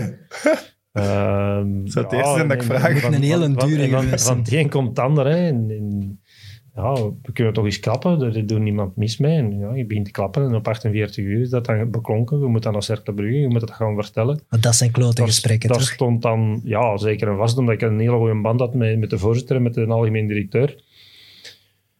En dat was dan op een sponsoravond. En daar heb ik dat dan moeten vertellen. Dus dat was niet het beste moment eh, uit mijn leven, moet ik zeggen. En, en ja, dan, dan pakte die beslissing en dan, ja, dan kom je eigenlijk in een wespennest terecht met twee aandeelhouders die totaal niet overeenkomen in Beerschot. En, en, En de media die daar ook op dat verhaal is opgesprongen. Allee, er was wel wat extra druk. Maar GB, ja, GBA Beerschot is sowieso een explosieve club. Dat heeft de geschiedenis al bewezen. Er, de- daar leeft gewoon heel veel. En dat kan inderdaad, je ziet daar het schone van, want je denkt, als ik daar nu eens een lijn in krijg en met Mhm. dat potentieel dat daar aanwezig is, dan kun je wel iets extra neerzetten wat een Cercle Brugge niet kan. Dat snap ik. Cercle Brugge heeft dat potentieel van Beerschot niet. Maar je hebt daar wel Van Noppen hadden daar, Verhagen hadden daar, Gunther Hofmans, Kesters, ja, wel allemaal ja, Antwerpse figuren waarvan dat je weet, als het botst, kan het helemaal misgaan ook. Hè. Nee, klopt. Dat weet je. Moesten trouwens van Thias van Poeken, een van onze volgers, u bedanken namens alle Cercle supporters. Zeg toch iets over Ja. wat je daar begrijp dat ook. En, want heb Ja. je nog contact met het bestuur van Cercle, toenmalig bestuur? Nee, ik heb of- alleen nog contact op dit moment met Jules Verist, hè, die daar de legende is. En eh met Ivan van Damme, de algemeen directeur, daar heb ik ook nog eh, altijd contact mee. Oké. Met Frans Schotten is dat verminderd. Ja, die mens is ook eh, ziek geweest en, en Ja. die heeft andere prioriteiten. Ik denk zelf dat hij eh erevoorzitter is nu, Ja. dat een voorzitter af is. Ja. Ja, Dus, ehm, Want je waart op dat moment wel, zeker die eerste twee jaar aan die bekerfinale. eh, Oké, klein verschil. Stel je voor dat je die wint, kan het weer helemaal anders uitdraaien. Maar je waart wel een beetje zo de kroonprins van Zeker. Belgisch trainerschilde. Iedereen was wel van, Glenn de Boek is de next, next big thing. En ja, de Belgische er- Mourinho, zeg maar. zoiets. ja, is er dan geen keuze van, ja, oké, GBA was wel risicovol. Had je niet kunnen wachten op, ik zeg maar iets, een agent ja, maar dat is zo. altijd gemakkelijk gezegd. Hè. Ik bedoel, Ja. allee, we maken allemaal elke dag 25 keuzes en die zijn niet allemaal juist. Was dat een juiste keuze? Achteraf kunnen we zeggen, nee, dat was geen juiste keuze. Dat was een foute keuze. Ik durf dat goed genoeg toegeven. Ik, bedoel, ik heb hier nog foute keuzes gemaakt. Maar, Maar was dat niet de grootste Ja, natuurlijk wel. Ja. Maar allee, ja, je, je- zit in een situatie. Hè? Je zit ontgoocheld naar die bekerfinale. Je weet wat er Ja. allemaal gebeurd is. En dan komt die aanbieding van Beerschot. Je voelt misschien ook, beter gaat niet lukken met cirkelen. Ja, dat weet ik niet. Ik denk dat daar wel mogelijkheden waren. Maar, maar Antwerpen komt. Ay, dus een club uit Antwerpen komt. En, en je denkt zelf, je bent Antwerpenaar. Antwerpen snakt naar voetbal. Ay, ondertussen is dat, is dat veranderd. Maar op die moment, hè, want dan spreken we over Ja, er was nog geen 2000 Antwerpen, dat was tweede klas nog. Tien? 2010, Ja. 2011, Je zoiets. had daar echt nog een gat voor een, een toffe eerste klasse. Hè? Ja, Dat was ook het project van GBA. Ehm, plus ook, allee, die gesprekken die hebben twee keer tot drie uur s'nachts geduurd. Van acht uur s'avonds tot drie uur s'nachts. Daar is mij heel veel beloofd. Maar door heel wie dan? veel. Door vo- de voorzitter? Of... Met, die, die, met vier man waren die daar. eh Kesters, Hofmans, Vragen en, en Van Oppen. Die waren allemaal mee aan tafel. Oké.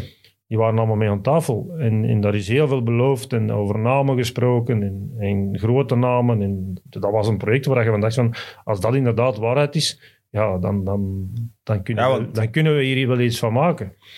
Maar dan, eh, ja, dan kom je er snel achter dat wat eh, gezegd werd en beloofd is, dat dat een groot luchtkasteel was. En dan ik herinner mij dat ik op, eh, op mijn voorstelling als trainer daar zat met de persverantwoordelijke, ik in de midden en Herman Kesters en al de rest sturen zijn kat. Op de voorzitter van de nieuwe trainer. Ja, dan, dan, dan weet je hoe laat het is. Hè. Volgens de krant waren die op vakantie. Ja, maar dan, dan, ja, dan komt het terug. Dat Dat, vind ik ook zo belangrijk. De voorzitter Dus- nieuwe dus- trainer dus- aanstellen, dan Dus terug je van gaat, vakantie. je gaat dan, je gaat dan hey, want dat heb ik zelf niet gelezen, maar je gaat dan de woensdagnacht tot drie uur over- onderhandelen, de donderdagnacht tot drie uur onderhandelen, de vrijdag de trainer voorstellen en dan vertrekt even vlug op vakantie of zo. Ja. Ja, Weekend, weekendje naar Dennen. ik heb nu veel geloofd van dat verhaal, maar dat ver- verhaal dat geloof ik niet. hè. Echt niet. Wat, wat weet jij nog over dat GBA trouwens, Evert? Ik herinner me Kroes, Oh, maar ja, Kroes. Een geweldige voetballer wel. Hè. Ehm, ik, Cheryl McDonald, Cheryl McDonald. McDonald, ja, toch Maar ook. Kroes zat toen niet bij Beerschot, hè? Nee? Als ik daar was, nee. En, ehm, en ook- Ik heb die, ik heb Was die al bij Waasland er Beveren. komen? Ah. Ik heb die bij Waasland Beveren. Top trouwens, want dat was echt een topprof. Maar bij Beveren niet, eh, bij Beerschot niet, niet dingen. Eh, Wim de Dekker zat daar toen, Bart Goor, Philippe Clement, ervaring eh, wel genoeg, Kaminski precies. in de goal, Kaminski, ja, jong. Pachov, eh, Pachowski in de goal. Ehm, Dus op zich wel, een- wel, wel een sava kern, toch? Ik hoor veel ervaren mannen ook. eh, de twee Montanes zaten er ook toen. Ehm, Juist. Pieter Jan en Martijn. ja. Twee backs aan de twee kanten of zoiets. Ja, Ja, ja, ja. Dus ja, maar, maar dat zat zo fout in die club. En al, Ja. ai, Maar van over boven dat, ik zeg altijd, als van boven regent, dan druppelt het. over wat ging dat dan? Over Ja, dat, dat- dat on- onrust komt in de kern, of dat er salarissen te laat betaald worden, of ik weet niet, of discussie over premies of zo, ik weet het niet. Ja, maar als, als ene voorzitter of ene belangrijke pion die spelers haalt, de andere haalt die een trainer en nog andere mensen halen die Ah, spelers. was het zo? Ja, het was, het was een, Als ieder zijn eigen willetje Het was een verdeeldheid. Het was, het was, ik zeg het, dat vind ik nog altijd de mooiste quote. Als het van boven regent, druppelt het van onder. En als het van onder druppelt... Als spelers weten dat het van boven niet goed zit, dan, dan, ja, dan moet je als trainer doen wat je wilt. Maar zo'n mannen als Philippe Clement en Bart Goor, die op dat moment alles hebben meegemaakt, die zouden toch die kleedkamer kunnen leiden en zeggen, jongens, we trekken ons niks aan van die zever, we gaan er gewoon voor. Ja, maar ik weet stond de spelersgroep niet meer achter u? Heb je dat gevoel ook?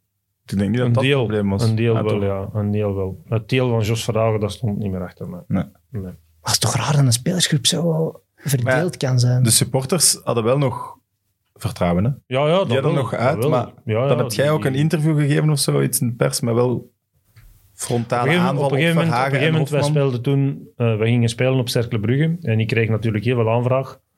Eh, Ja. Heel veel persaanvragen, ja. heel veel persaanvragen voor, voor die wedstrijd.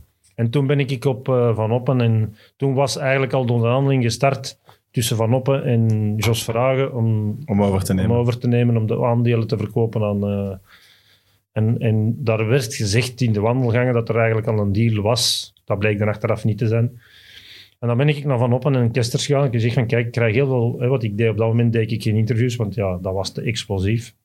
Ik ben ook zo Ja, iemand... ja, als want we ik- zijn als nog ik een niet ver in het interview doe, seizoen. Hè? als ik een interview doe, dan ofwel zeg ik de waarheid, ofwel zeg ik niks, want ik ga niet rond- de pot liggen draaien.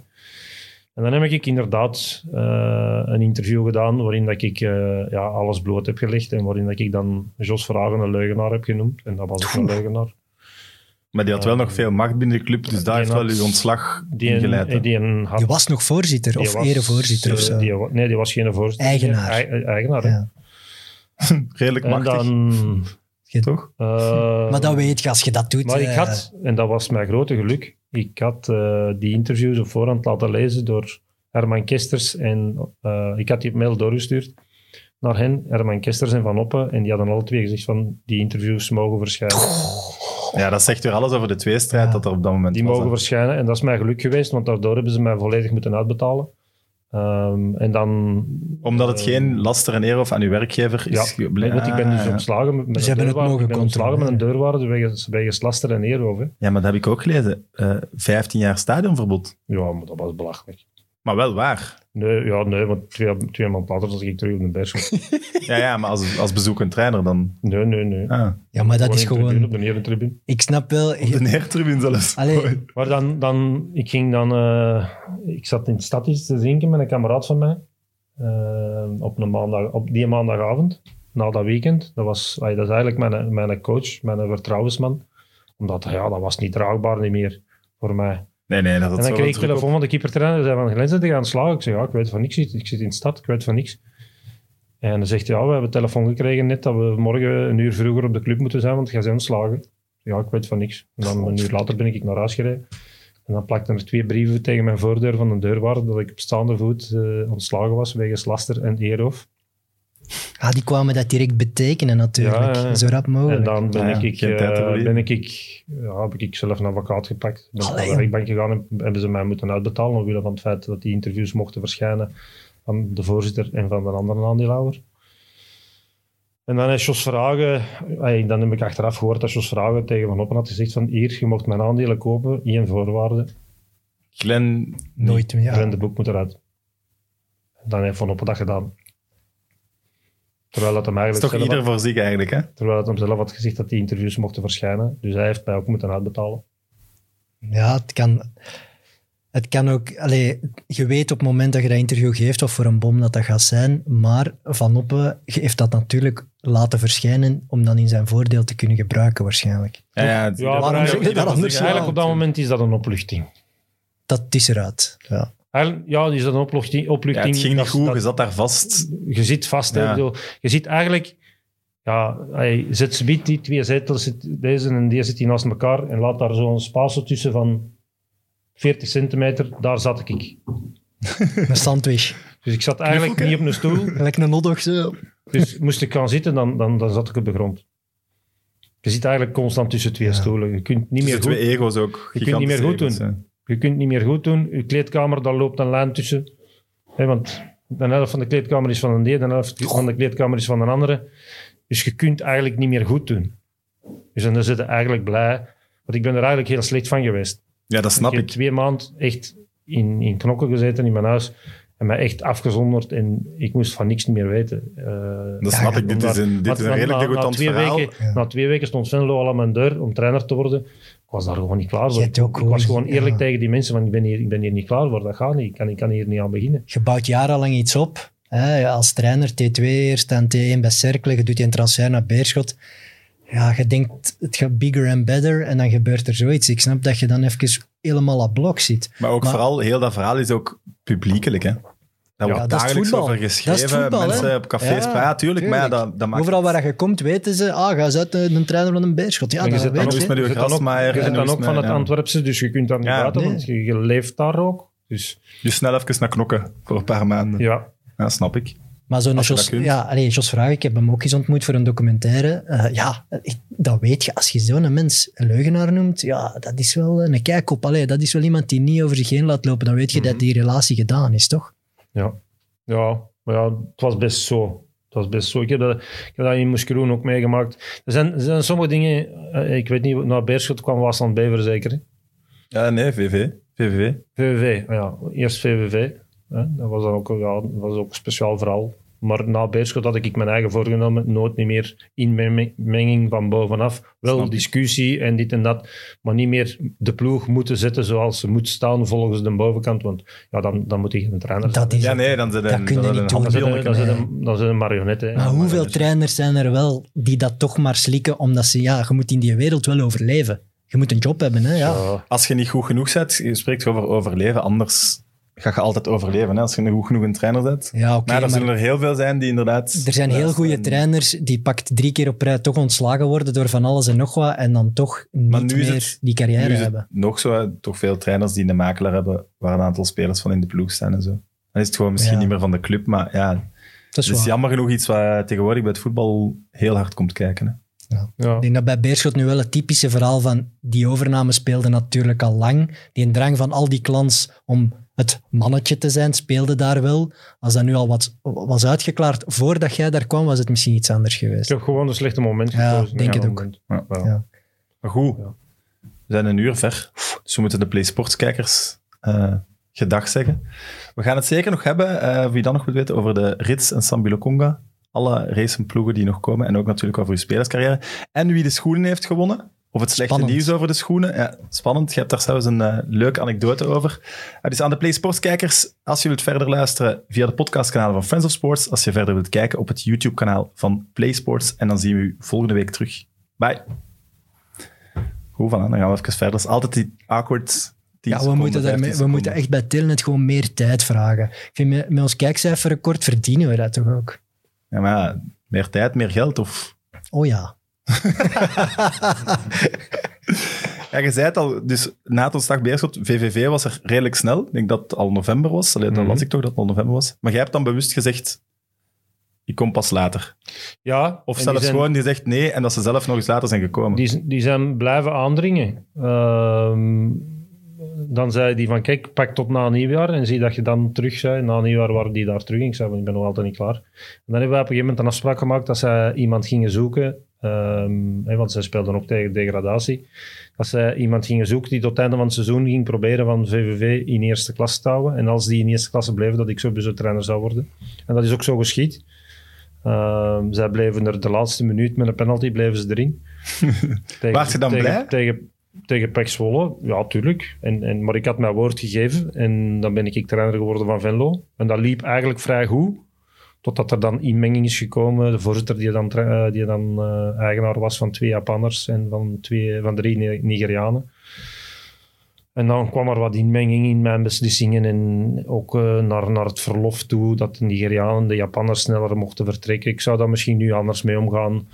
Maar ik vond... Wel- ik vind wel altijd toelaten, Een, of? Ja, ik vind altijd een spelersgroep die, die... Iedereen is gelijk voor de wet voor mij. En, en ja, daar zou ik misschien nu anders naar kijken. Minder stug. Eh meer dus zo'n De een die keer later mocht een melden voor het EK, en- zoiets zou bij u niet waar zijn. Wat blieft? Zo'n De Bruyne die zich later mocht melden. Jawel, jawel, want dat mochten wij vroeger ook. Hè. Ik, heb, Ja. ik heb zelf ook eh, constant in het tussenseizoen gevoetbald en dan mochten we ook een week of twee weken later aansluiten. Ja. Die dingen wel, maar niet... Ja, allee, ja, dat was dan met nieuwjaar. Niet dat er iemand vier dagen vroeger mag vertrekken en zo, want dan, dan krijg je twee spalten in je spelersgroep. Sowieso, want dan beginnen een aantal andere vaste waarden te klagen. En, dus ja, dat was een moeilijk verhaal. En dan, eh, dan ben ik daar... eh, ja, na, kort na nieuwjaar ben ik daarmee gestopt. Ja, dat is toch de, de club van uh, Keisuke Honda en zo. Hè? Ja, ja. En daar zal die voorzitter En van- dan toch goed aan... Moussa, Moussa en zo. En Moussa, ja, daar zal die voorzitter toch goed aan verdiend hebben dan. Moussa, ja. Ja. Die is hier rechtstreeks naar Milan gegaan. Eh, dat Ik denk het wel, nee, of precies. naar Rusland. Naar. Rusland is die Naar. Rusland, hè, voor toen een recordbedrag natuurlijk voor VVV. Maar Ja. toen was dat, allee, dat is, ze hebben dat ook aangepast, hè, die regels internationaal gezien. Maar toen kon inderdaad third-party ownership, dat kon toen nog. Hè, dus je kon inderdaad met spelers persoonlijk investeren in spelers. En dan, als je natuurlijk in die club iets te zeggen hebt, snap ik dat je zegt, eh, Glenn, eh, zet die er een keer op. Dat, is wel, dat gaat over je eigen geld. ja, maar hoe gaat zo'n gesprek dan? Want als ik, als ik de voorzitter was, Ja, ook nu, al heb nu, ik spelers... Moussa die dus- speelde altijd, hè, want het was Die- een goede die speler. hè, dus die speelden altijd. Hè, maar het waren dan die andere spelers die wat minder waren. Ja, die moesten dan ook spelen. En dan, ja, dan, dan kom je in een situatie terecht van ja, dan moeten we gaan beginnen schipperen. Spelers weten dat ook. En, en je hebt je geloofwaardigheid hè, als, voet, als, speler, eh, als trainer. Hè. Dat was voor mij belangrijk. Hè, als, je, als je gaat eh, spelers opstellen op basis van voorspraak van De de, voorzitter weet dat.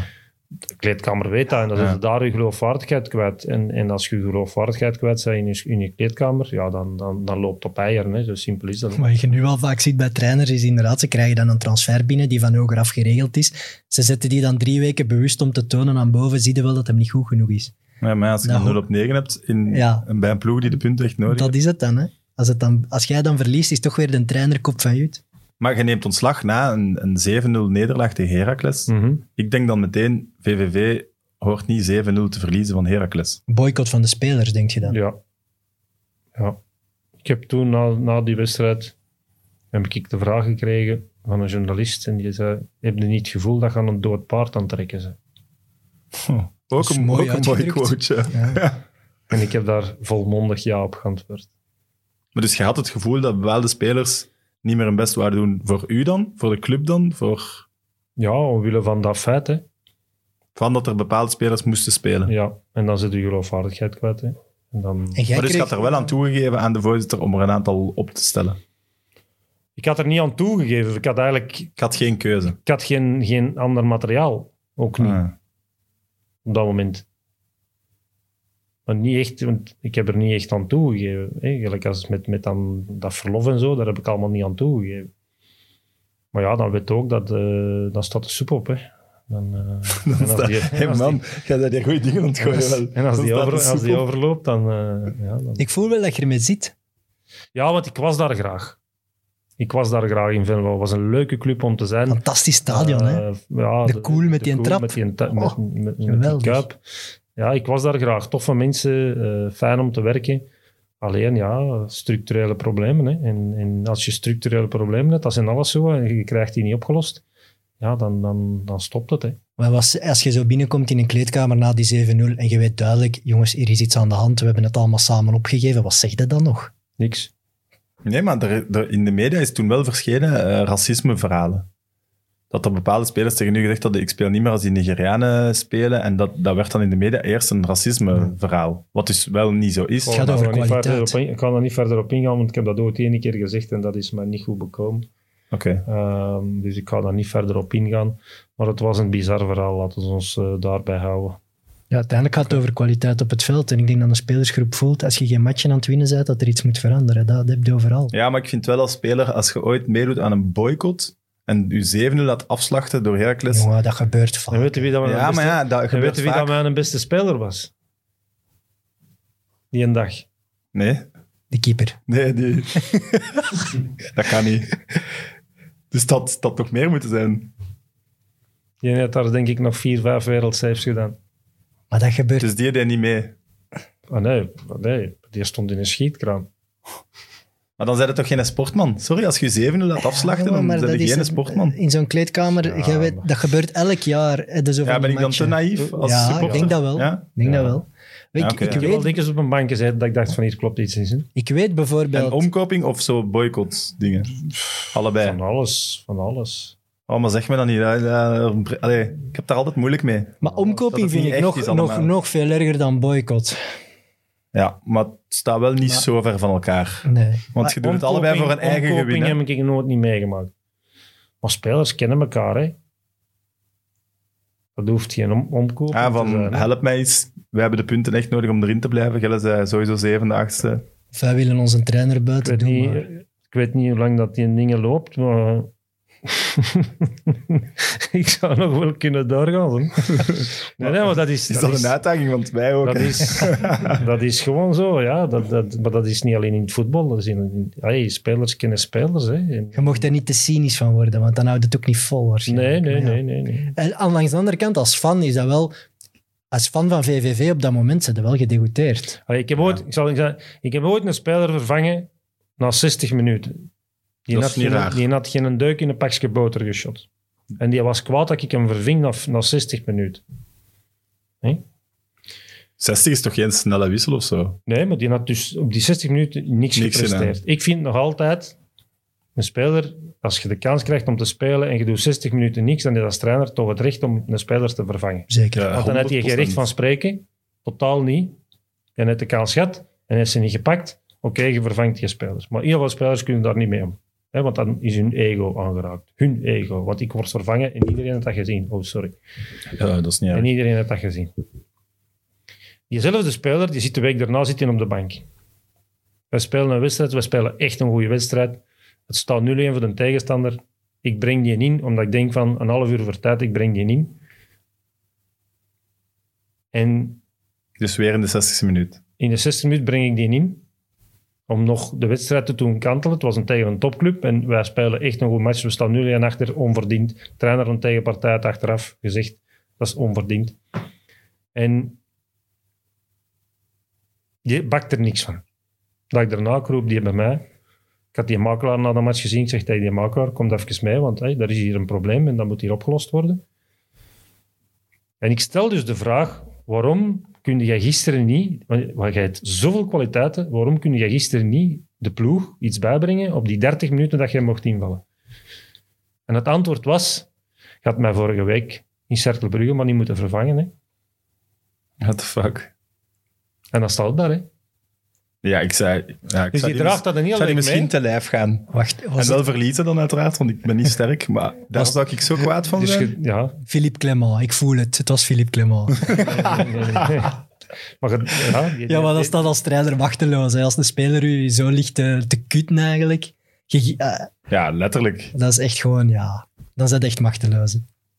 Dus om maar te zeggen hoe moeilijk dat het soms is om... om Maar ik heb het gevoel dat dat vaker bij die kleinere, lagere ploegen is. De macht van een makelaar heel Deze was groot. nu En, niet eh, bij de, een van de laagste ploegen dat ik het trainde, eerlijk gezegd.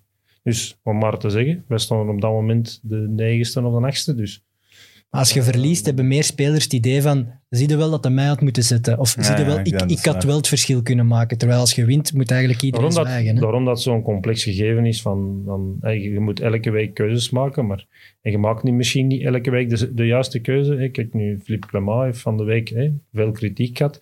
Hij dacht dat dat de beste keuze was om dat te zetten tegen Gent. Dat valt dan tegen. Hey, alles valt goed mee voor Gent.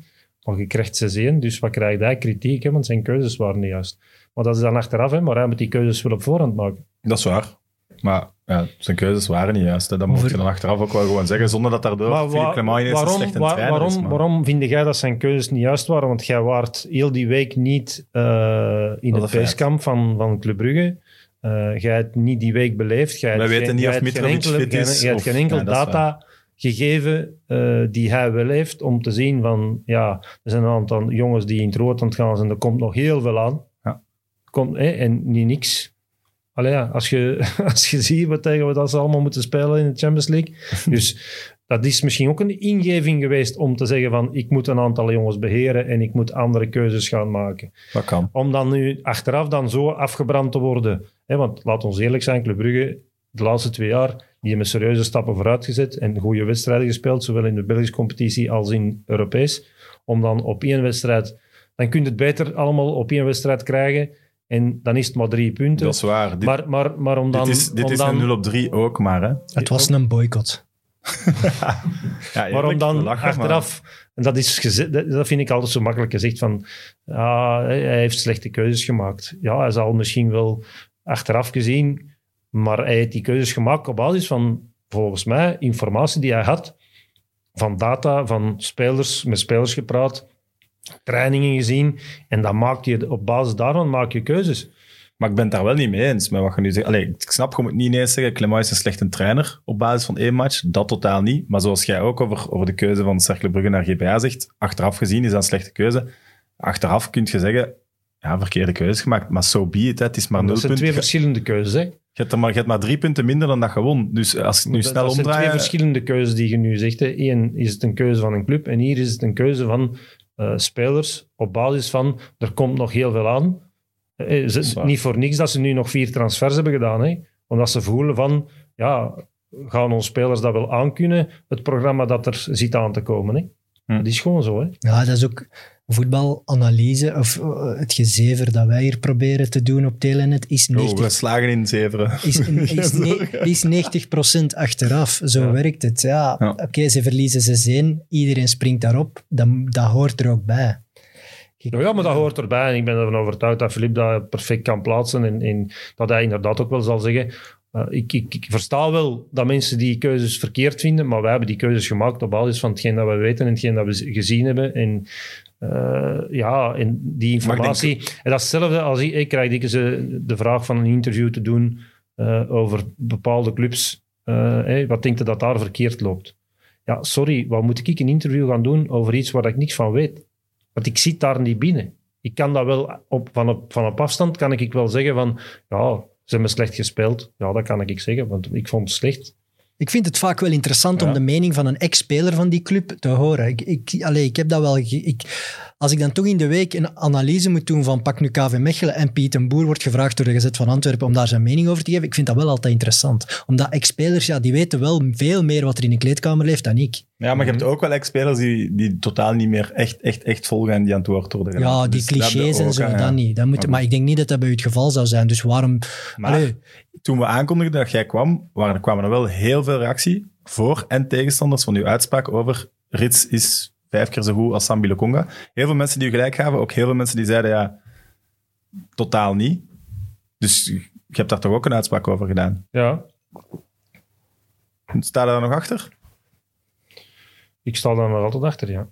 Oké. Ja, ik, ik persoonlijk niet, maar ik ben ook Anderlecht supporter, dus ik zal sowieso met een gekleurde bril ernaar kijken. Maar ik vond het opvallend dat er echt zoveel mensen reageerden dat ze daarmee eens waren dat Rits echt wel beter is. Ja, maar ik heb vorig jaar toch een Mats Rit gezien dat ik nooit had verwacht dat ik dat, dat ooit van hem ging zien. Daar moet ik hem serieus voor complimenteren. En het is ook in die geest dat die discussie begon van ja, Brugge was gewoon veel beter dan Anderlecht. Is dat eigenlijk al enkele jaren. Als je dan moet kijken naar wie zet een stap vooruit of nationale ploeg, dan lijkt me logisch dat Rits eerst die kans moet krijgen. Ik zie het potentieel Maar- van Lokonga, maar de prestaties op het veld van Rits zijn gewoon Maar wel, beter. maar ik- ik snap maar dat is, dat is eigenlijk hetgeen dat, ik- hetgeen dat hij nu zegt, is hetgeen dat ik heb gezegd en bedoeld heb.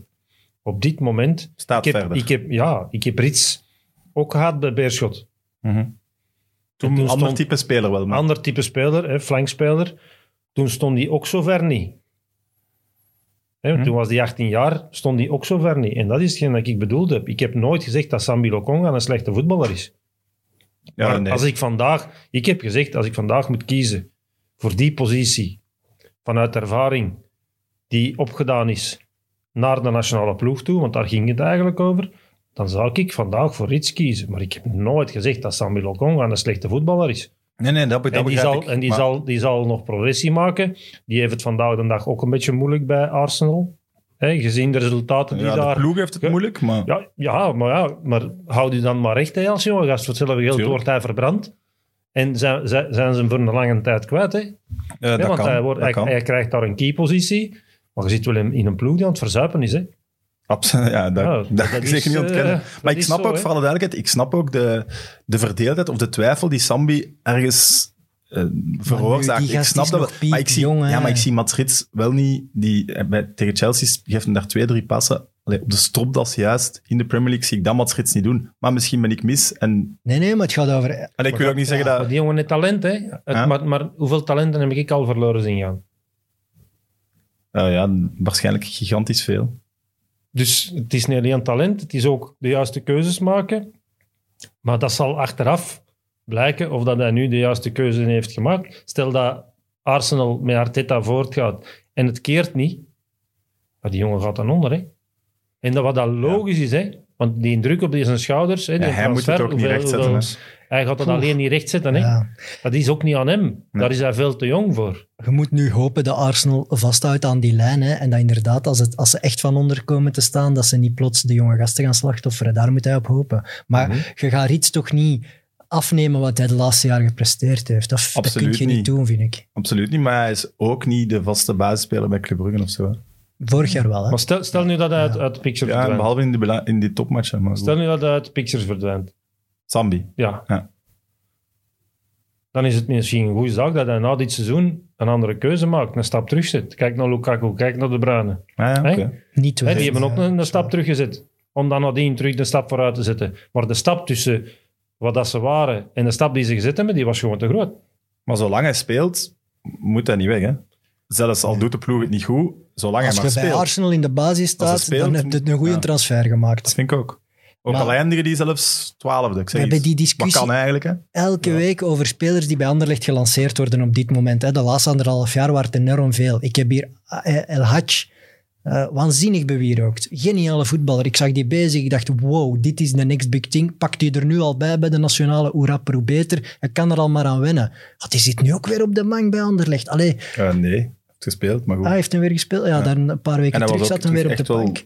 Beter Dus- al. Het, het gaat zo snel op en af. Ja, die verscharen ook op, af. Dus dat, dat, dat gaat zo rap tegenwoordig, dat ik ook soms denk van ja, pak dan een gast van 5, 26 die al een paar jaar toch 100, 200 matchen in eerste heeft gespeeld. Maar dat wordt minder en minder gedaan. Iedereen kijkt naar dat internationaal profiel, maar wat is dat? Zwaar. Je moet het wel be- eerst bewijzen, vind ik. Volgende speeldag, niet dit weekend, maar het weekend daarop. Uw twee ex-clubs tegen elkaar. KV Mechelen, waar hij supporters van is, al ik af van Anderlicht. Wie gaat het halen? Is het al een terugronde? Nee. Nee, het is, Die hebben al eh, tegen elkaar gespeeld. Hè? Nee, nee, het Nee. was... eh, Nee, toch? Een eerste speeldag toch? Nee. Denk ik niet zo mis? Nee, toch? wacht, hè. En bij de eerste speeldag... te- Allee, hier schoon fans zijn wij, dat is zo niet weer. Ja, maar ik was toen nog op vakantie. hè. Wat was dat, die eerste speeldag? Ja. Tegen, nee, dat was eh, Mechelen-Antwerp. Ah ja, dat is Mechelen. Dat is juist die- die 2-3 met die return van Mechelen. Nee, nee, het is, het is op Anderlecht nu, hè, vlak Ja. na de Interlandbreak. Ja. Ah ja, juist. En Anderlecht verloor thuis van Union op de eerste speeldag. Dat is Dat ik dat al niet meer weet. Wauw. Nu, De ik denk de dat KV Mechelen te weinig punten heeft naar het voetbal dat ze gebracht heeft. Ah. Dat denk ik wel. Ehm, ik vind nu dat Anderlecht een heel goede wedstrijd heeft gespeeld op Genk. Ja, ze verdienden niet te verliezen. Als ze die wedstrijd spelen op Vitesse, dan denk ik dat ze die met haren uit opfretten. Denk ik dan. Mhm. Ehm, dus ja, het zijn twee ploegen die toch wel hun tweede adem gevonden hebben. Dus ik denk dat dat wel een leuk match kan zijn. Ik vrees een beetje. Vanuit mijn oogpunt. Hè. Ik, ik heb inderdaad Anderlecht tegen Genk gezien. Ze gaan dat niet nog eens eh, voor hebben dat ze goed voetballen en niet winnen. Drie matchen niet ja, gewonnen. maar, hè? maar, maar Ja. Maar ik, Genk heeft Anderlecht laten voetballen. Hè? Om dan in de omschakeling... eh, Ja, Genk ligt het Anderlecht van Company wel op zich, heb ik het gevoel. Speelt daar altijd wel goed. ja, maar de laatste wedstrijden in Anderlecht gewonnen. Hè? En Ja. de kans bij Anderlecht, wat ik altijd vind, je hebt altijd kans op een dikke flosh. En dan, ja, dat, sorry, Anderlecht heeft zo'n ploeg, er zit nul zekerheid in achterin. Nee, nee, nee, dat is waar. Je kunt op elk moment van de match een goal cadeau krijgen van die ploeg. Ja, en als dat gebeurt, als een hoed eh, iets onnozel doet, of ze willen te veel voetballen van achter, ja, dan kun je 1-0 voorkomen. Allee, dat vind ik bij Anderlecht, er is zo weinig stabiliteit van achter. joh. Nee, dat klopt. Wat eigenlijk voor Compagnie toch het paradepaardje zou moeten zijn. Maar, ik ging zeggen Magalan is de oplossing, maar dat is het zeker. dat denk ik niet dat dat het is. Oh. Maar we hebben vorig jaar een challenge gedaan. Dus de verliezer van de wedstrijd moest iets doen wat de fans zeiden. Het is dan echt een echt zielig gelijkspel ge- geworden. Maar we gaan dat wel nog eens doen. Ja, Dus de fans die op YouTube kijken, of mag ook via Twitter of Instagram, noem maar op, eh, reageer maar wat dat de verliezer volgende week moet doen. Allee, volgende week gaan we kiezen en dan de week daarop, na de match, moet de verliezer dat doen. En ik hoop dat je weer geschminkt gaat moeten komen. ik vind zou fantastisch zijn. vooral de fans moeten er rekening mee houden dat het eigenlijk Hij is al aan het indekken. een grote stunt zou zijn als Maliwad daar gaat winnen. Dus ik vind dat ook... Er mag, Amai, een, ver- er mag een verschil zijn in de challenge. Bij Sam mag het iets extravaganter zijn, vind ik. Bij mij mag het iets braaf zijn. Trieste vent, jongen. Uw zelfvertrouwen, Dante van Zijr heeft u echt gepakt. Hè? Ja, jongen. Ja, en nu ook... de Kortrijk heeft mij ook pijn gedaan. hè. 2-0 voor, 2-2. Allee, ik bedoel, het is, het is nog niet Hosanna, Hosanna. Hè. Maar bij, bij jullie ook niet. Dat is niet zo je kunt zeggen. Kortrijk stond 2-0 achter. Hè? Ja, en die pakken nog 2-2, zeg. Bedoelde je dat dan, daarnet? Wat? Met de ploeg die 2-0 voor stond? Nee, nee, want Kortrijk nee, was na de rust al... Oké. Ehm, na VV Venlo, eh, VV Venlo, ja klopt. Weer enkele maanden zonder job. Mhm. Maar ik heb gelezen, in die periode, eh, Frankie Verkouter gaat naar Sporting Lissabon, dat hij me wel gebeld heeft, komt je mee? Ja, er is even sprake van geweest, maar dat is ook maar niet meer dan twee gesprekken geweest. eh, en zijn het dan heeft- gesprekken waar jij aangeeft nee? Of, Nee, hij heeft gewoon gevraagd van, is er interesse? Ik heb gezegd, er is interesse, maar hij had ook gezegd dat er nog een aantal andere pistes waren die hij aan het behandelen was. En ehm, ja, hij heeft dan gekozen voor die andere pistes, zo gaat het dikwijls. is, ja, ook trainers, maar ook clubs leggen niet altijd hun ei in één, eh, in één mand. Hè. Dus eh, op dat vlak weet je dat. En als je dan niks meer hoort en je leest dan in de pers, dat is altijd eigenlijk het moeilijkste. Want ik vind, het Dat- moeilijke gesprek gaan ze niet aan. Nee, dat, hoeft geen moeilijk gesprek te zijn. Eh, ik heb met een club eh, contact gehad hier in België. En die zeiden van, wij hebben eh, een shortlist gemaakt en jij staat daarop. Eigenlijk als de nummer twee. Maar als wij er deze week, vandaag of morgen, uitkomen met die trainer, dan bel ik u terug en dan zal ik u dat laten weten voordat je het moet in de pers. En die hebben dat ook gedaan. En ja, dat vind ik eigenlijk de manier van werken, hoe dat het zou moeten lopen. En Ja. eh, even goede vrienden, bedoel, die zijn duidelijk geweest, die zijn eerlijk geweest. En die, die hebben gewoon gezegd van kijk, we hebben een financieel akkoord gevonden met eh, die een trainer en zijn entourage. En wij gaan daarmee in zee. Even goede vrienden, bedoel, ah ja, zo, zo werkt Dat is alleen maar voordeel Tuurlijk. geweest, dat is alleen maar nadeel geweest. Zo werkt het nu eenmaal. Maar ik vind het wel knap van die club dat die, dat die dan zelf een telefoon neemt en zegt van ja oké, eh, wij hebben een akkoord gevonden, dus wij gaan met die trainer in zee. Maar niks zegt dat het in de toekomst niet meer zou kunnen zijn. Dus. Ja, ik heb een goede vraag van eh, Matthias Bolsens. Wat was uw staf- strafste prestatie als trainer in uw trainerscarrière en waarom was het de redding van Waasland Dus bon, dat is meteen Want dat is wel... Ja, ga nam over toen het echt leek game over te zijn. Hè? Goh, eh, En ik weet niet hoeveel matchen het ook nog was, maar acht, acht, denk ik. matchen nog. Ja. En vijf punten achter, denk ik. Dat is een beetje zoals dingen dat ehm, we, hebben, we hebben van die acht matchen, denk ik dat wij vijf wedstrijden met 1-0 gewonnen hebben. Te beginnen op KV Mechelen. Hè? Christophe Lepoin. Ja. Mooi dat lachske. Ja. Dus je gaat eigenlijk zeggen, je hebt goed, goed gebetoneerd en goed de nul gehouden. Niet gebetoneerd, ehm, maar wel een strikte organisatie neergezet en heel die ploeg door elkaar gesmeten. De eerste wedstrijd dat we spelen, dus wat, wat doe je als trainer? Je wordt, want dat is nachtwerk. Hè. Dat is echt nachtwerk, hè, want je hebt vijf dagen tijd om die eerste wedstrijd op KV Mechelen voor te bereiden. Dus, maar je wilt weten, wat loopt er nu eigenlijk fout bij die ploeg dat die zo makkelijk goals likken? Hè. De wedstrijd daarvoor, thuis 2-6 tegen Club Brugge. Ehm, en dan, ja, dan ga je analyseren. En dan ga je alles opschrijven. En dan, dan, en dan komt het tot de conclusie dat er bijvoorbeeld één speler in 80% van de doelpunten tussen zit. Als fout. Als fout. Ja. Oei. Ja. Dat- en dat blijkt dan een monument binnen de club te zijn. En ik heb de gewoonte van de, de, de zaterdag, als wij voetballen, 's middags bij mijn ouders, dikwijls pistoleken te gaan eten. Zo. En dan met mijn vader. Mijn vader is een voetbaldier, ondertussen al in de 70 jaar, maar altijd bij Boom actief geweest als trainer en, en jeugdcoördinator. En, en Cool. en dan zei hij, hoe gaat het spelen van de avond? Ik zeg, zo en zo en zo. Jij haalt de kapitein eruit. Ik zeg, ja. Niet doen, ze. Dat moet je toch niet doen? Wat ga je nou doen? Stel dat je verliest, dan, dan krijg je heel de club over je. En ik heb dat toch gedaan, omdat dat de speler was die eigenlijk in heel veel doelpunten tussen zat. Ik ga gokken, denk ik. En ja, ik heb dat toch Pak je gedaan. kans. En ja, wij winnen die wedstrijd met 0-1. Kozemans pakt dan een heel goed... Ik heb dan ook direct verwisseld van keeper. Kozemans Ook, ook gezet. een moeilijke beslissing. Hè? Ja, ja. Toen uw keeper die er eraf haalt, terugkrijgen wordt moeilijk. Hè? Ja, maar Kozemans heeft dan ja, een, een, een wereldseizoen gepakt nog. En, en ja, de verdediging die stond. Ehm, ik heb een middenvelder achteruit getrokken, een Hollander. Die dan de boel organiseerde van achteruit. Siboom. Siboom. Ja. En, Dat was een goeie, hè? ehm, Ja, goede voetballer, een beetje traag, maar die zag het spel, die las het spel, die kon het ook uitvoeren. Alleen was ze wat traag. Eh, ik heb die dan achteruit getrokken. En, en ja, en dat, dat begon te lopen. En wij wonnen, ik zeg het, die wedstrijden 0-1, 1-0, 0-1, 1-0. En zo creëerde dan die punten. En dan de, de voorlaatste wedstrijd thuis tegen, In een derby. ja, Ja. tegen Lokeren, 1-1. En we waren gered. Ja, Ik, ik wil eigenlijk al niet meer gokken, want als het dan mis is... ja kom. Lardenois. Tante van Zijr heeft u helemaal gekraakt gewoon. Hè? Ja, Wie was het? hey, de, Lardenois. Ja. je zelfvertrouwen is naar beneden. Ja, maar jongen.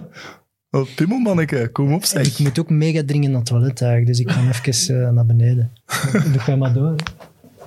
Oké, ja, ik, ik ga Het is hè. dat je champagne drinkt hè, om, eh om half elf. Hè. Maar die drinkt daar ook niet van, hè? Ja, het glas is nog bomvol. Ja, doen we door of eh, wacht ik even? Ja? Ja, hoe- je zei daarnet al, tegen degradatie vechten is veel moeilijker. Mhm. Maar is het dan ook een grotere eh, opluchting als je erin blijft dan kampioen spelen? Ja. Dat, Of is dat niet vergelijkbaar? eh, goh, een grotere voldoening, dat is misschien eh, kort door de bocht, want kampioenspelen is natuurlijk, ja, dat, dat, dat is iets... Maar dan zit je wel al zo... Heel, allee, kampioen word je niet... Ik snap wel, je kunt op de laatste speeldag kampioen worden, maar je hebt al wel heel veel matchen moeten winnen en in een goede flow zijn geraakt om mee te doen voor de titel. Terwijl, ja, zoals gezegd, Waasland Bever op de laatste speeldag u redden, daar Voor- zit wel alles op, De, op de voorlaatste. Op de voorlaatste, dat ja. zit op, een- op een piekmoment. Ja.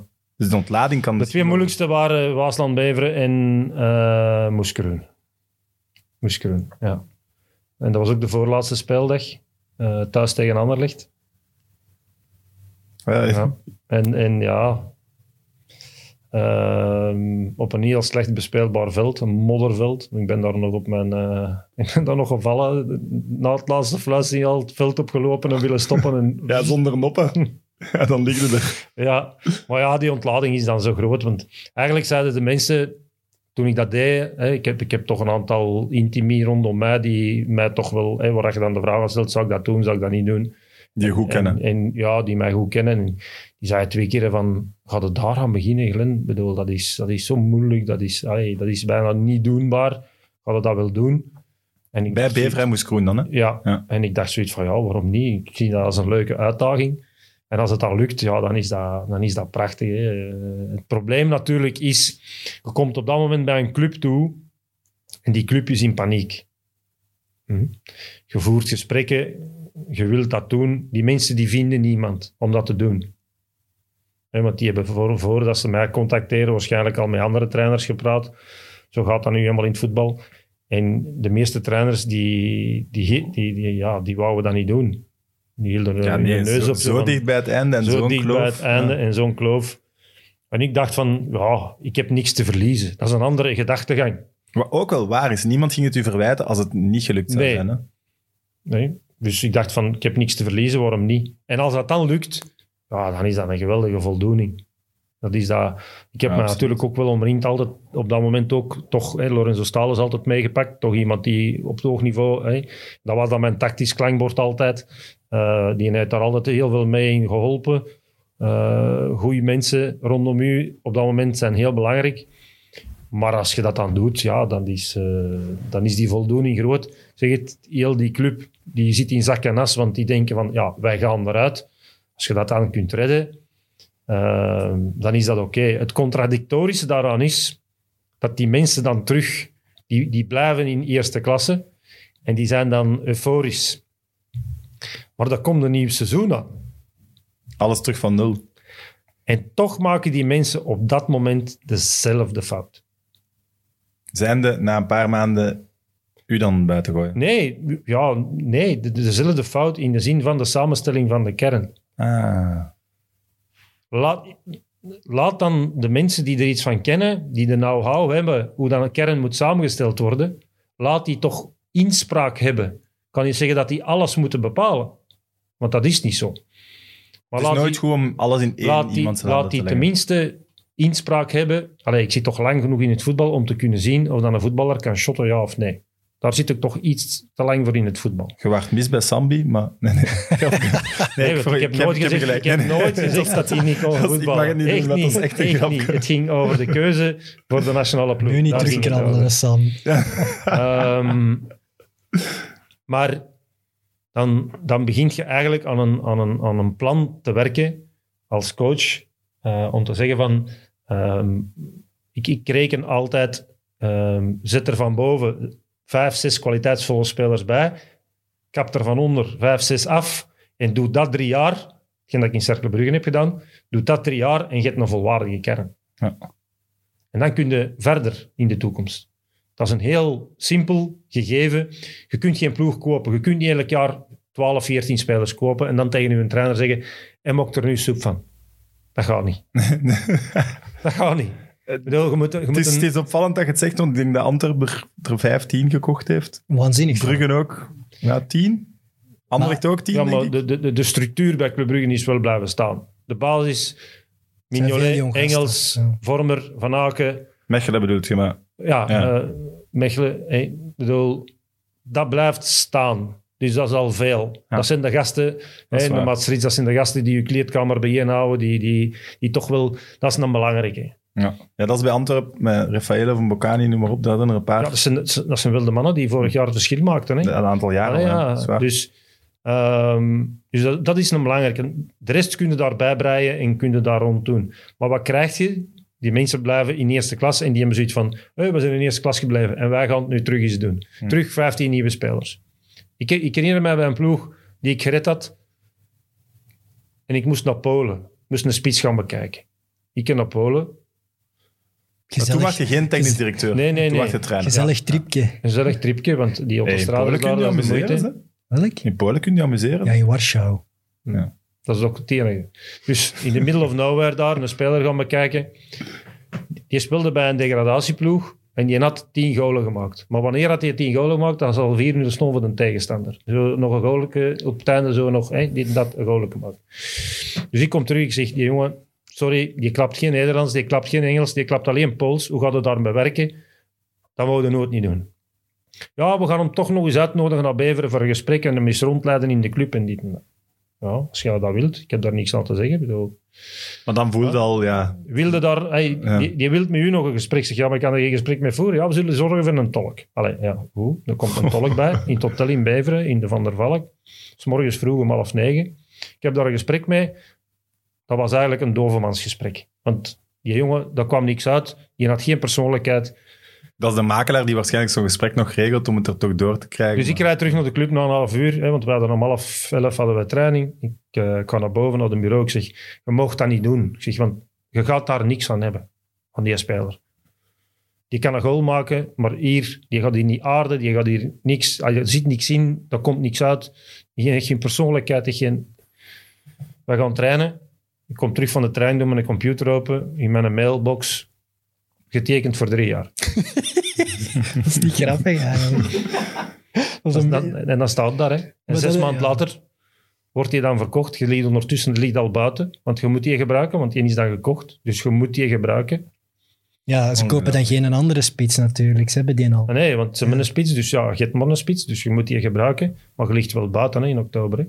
Pose En je hebt die, je je je ploeg, die ploeg dan gered in een miraculeuze situatie in maart, hè, want dat was dan al- in het playoff systeem. Je hebt die ploeg gered. Ze zouden een standbeeld gezet hebben op de grote markt, want ze hadden er nooit niet meer in geloofd. En vijf maanden later het buiten. Ja, dan, dan, dan zijn als trainer. Ja, dan- Ja, ik zou dan echt wel zeggen, fuck you. Ja, nee, maar dat is wat we daarnet eigenlijk ik al doe er hebben niet meer aan, nee, ik doe er Hoe niet meer aan mee je aan dit mee? circus Ja. van de ene dag zijn echt, wat je zegt, God. En ja, het gaat over maanden. Hè. Er zijn heel veel clubs waar dat je binnenkomt, het goed doet, maar binnen het jaar nog terug buiten ligt. Ja, Maar En- dat, is met, dat is het verhaal van, van, van Waasland B, eh, van dingen, van Kortrijk is net hetzelfde. Hè? Dat, is net, dat, dat, dat is eigenlijk het meest pijnlijke verhaal dat ik eigenlijk meegemaakt heb in het voetbal. Dat is, allee, ik was daar graag, de supporters hadden mij graag, de mensen hadden mij graag. Allee, je gaat daar van de vijftiende plaats naar de zevende plaats met dezelfde kern. Geen één transfer gedaan. Geen ene. Eh, dingen heb je wel doen heropleven. Eh Boyo? Was het een Boyo? Nee, Chevalier Nee, een Chevalier. Boy- Een Boyo is ja, dan nadien gekomen. Ah, Eh, nee, maar, maar per B. Ja, als, je, als je per B het, wat moet je dan doen? In de ballen box. droppen. in de, in, de, in de box van een tegenstander proberen te spelen. Dus dat moet hoog spelen. En dan moet je zien dat je van achter dat, dat je goed staat. Dat is het enige. En wij hebben daar, ja, van de vijftiende naar de zevende plaats. Ja, ja, was- op, de, op laatste speler of zo, play-off 1 gemist. Of de voorlaatste speler, ik weet niet. De laatste hetgeen einde. dat ik zei. want Standaard Standaard wint ja. met 2-3 in Oostende. Ze stonden met 2 achter met rust. Wat dan met de rust gebeurd is, dat weet ik niet. Maar daar durf ik mij niet over uitspreken. Ik was die speeldag met iets anders bezig. Ja. En, Ook iets loes, hè? Godverdomme. We hebben geprobeerd, het is nog Allee, ik, zal ik zal nooit vergeten het eerste gesprek. eh, want ik ging normaal naar Qatar vertrekken. En ik kreeg op zondagavond telefoon van, van de termen. Van, kunnen wij samen eens... Ja, maar ik vertrek normaal gezien, eh, ik denk maandag of dinsdag naar Qatar. Ja, maar wij zouden toch graag samen zitten. Was dat vakantie of jobaanbieding? Nee, nee, jobaanbieding. Oké. En ehm, hij zei, ja, we zouden toch graag samen zitten, want we hebben een aantal trainers gecontacteerd en niemand wil dat doen en dit en dat. Dat, dat klinkt niet goed als Ja. club. dus ja, allee, ja, via via. dus maandag, we zitten samen in Gent. Eh, het was een goed gesprek met Le Termen en, en Rick Follon, die dan nadien technisch directeur Ja. is geworden. Ehm, dat was echt een goed gesprek. Ehm, ja, een tweede gesprek met de voorzitter erbij. Ja, dat is goed, een dinsdag. Hè. Ik had mijn tickets al verzet naar de woensdag om naar Qatar te vliegen, want daar was eigenlijk alles zo goed als in orde. Eh, dat tweede gesprek, de dinsdagavond, ook een goed gesprek, alhoewel dat de voorzitter daar zei van ik had nooit aan Glenn de Boek gedacht, want Glenn de Boek zie ik niet als trainer van Kortrijk.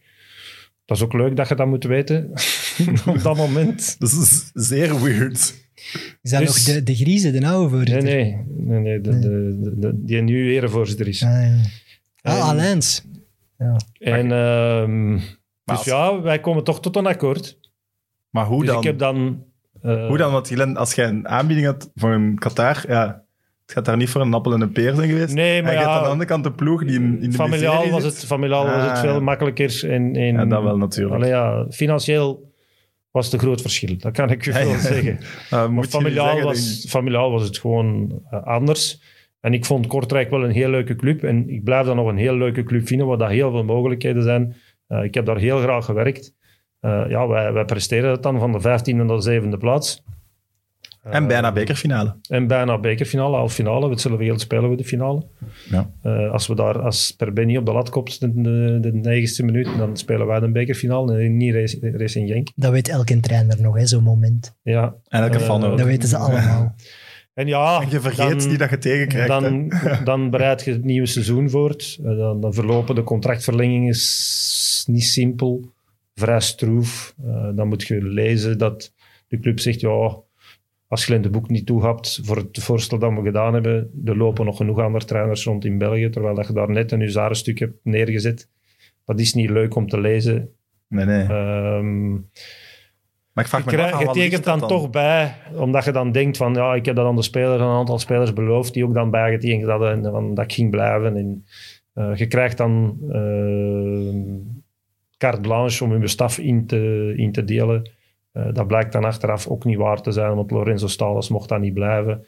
Die lag dan een klein beetje in conflict met de contractverlenging ook. En ja, die mocht dat niet blijven. Dat was dan een eerste teken aan de wand. Maar dat ging over geld? Hè? Ja, dat ging, ja, maar dat ging over peanuts. Hè. Dat ging over geld, dat ging over... Nee, dat ging over... Ik heb gelijk. En, en- ja, wie heeft er gelijk? Hè? Iedereen heeft gelijk. Hè? Want dat viel mij wel op bij dat Kortrijk-verhaal. De- de- Ja, papier klinkt dat wel fenomenaal sterk. Jij, Stalens, eh Franke. Ja, Ja, hoe belangrijk Als je waren dat- die? als je dat hebt, succes. als Ja. club zou ik dat wel proberen bij. Tuurlijk zijn die belangrijk, hè? maar dat is ook de reden waarom dat ik zei van ik, eh, eh, ik omring me altijd met, met sterke mensen. Sowieso. Ja. Dus ja, en dan begint dat verhaal en dan... Ja, als je een T2 al niet mag blijven. Ja, en, en dan, pas op, ik heb dan een goede vervanger gevonden in Chris O'Loughlin, die nu technisch directeur is van, eh, van Union. Eh, ook een hele joviale gast. Dus oké, ik had wel ik had een goede staf. En ja, wij stonden de twaalfste. Na, denk, 13 of 14 speeldagen stonden wij de twaalfste of de elfste. Met die ploeg was dat oké. Had dat iets meer kunnen zijn? Ja, wij, wij, wij, wij krijgen een penalty tegen, tegen, tegen Eupen. Dat geen penalty was. Het was er twee meter buiten. Dat was dat toen net nog niet met de VAR. Ehm Twee meter. dat was er echt twee meter We zoeken buiten. dat op, hè. Eh, Ja. tegen, tegen Waasland-Beveren krijgen wij de laatste drie minuten een penalty niet, dat absoluut hensbal was. Allee, zo van die dingen dat je denkt van, hey, gelijk dat ik altijd zeg, een, pen- een penalty binnenkant paal, buitenkant paal. eh, Wereld van verschil. Wereld van verschil.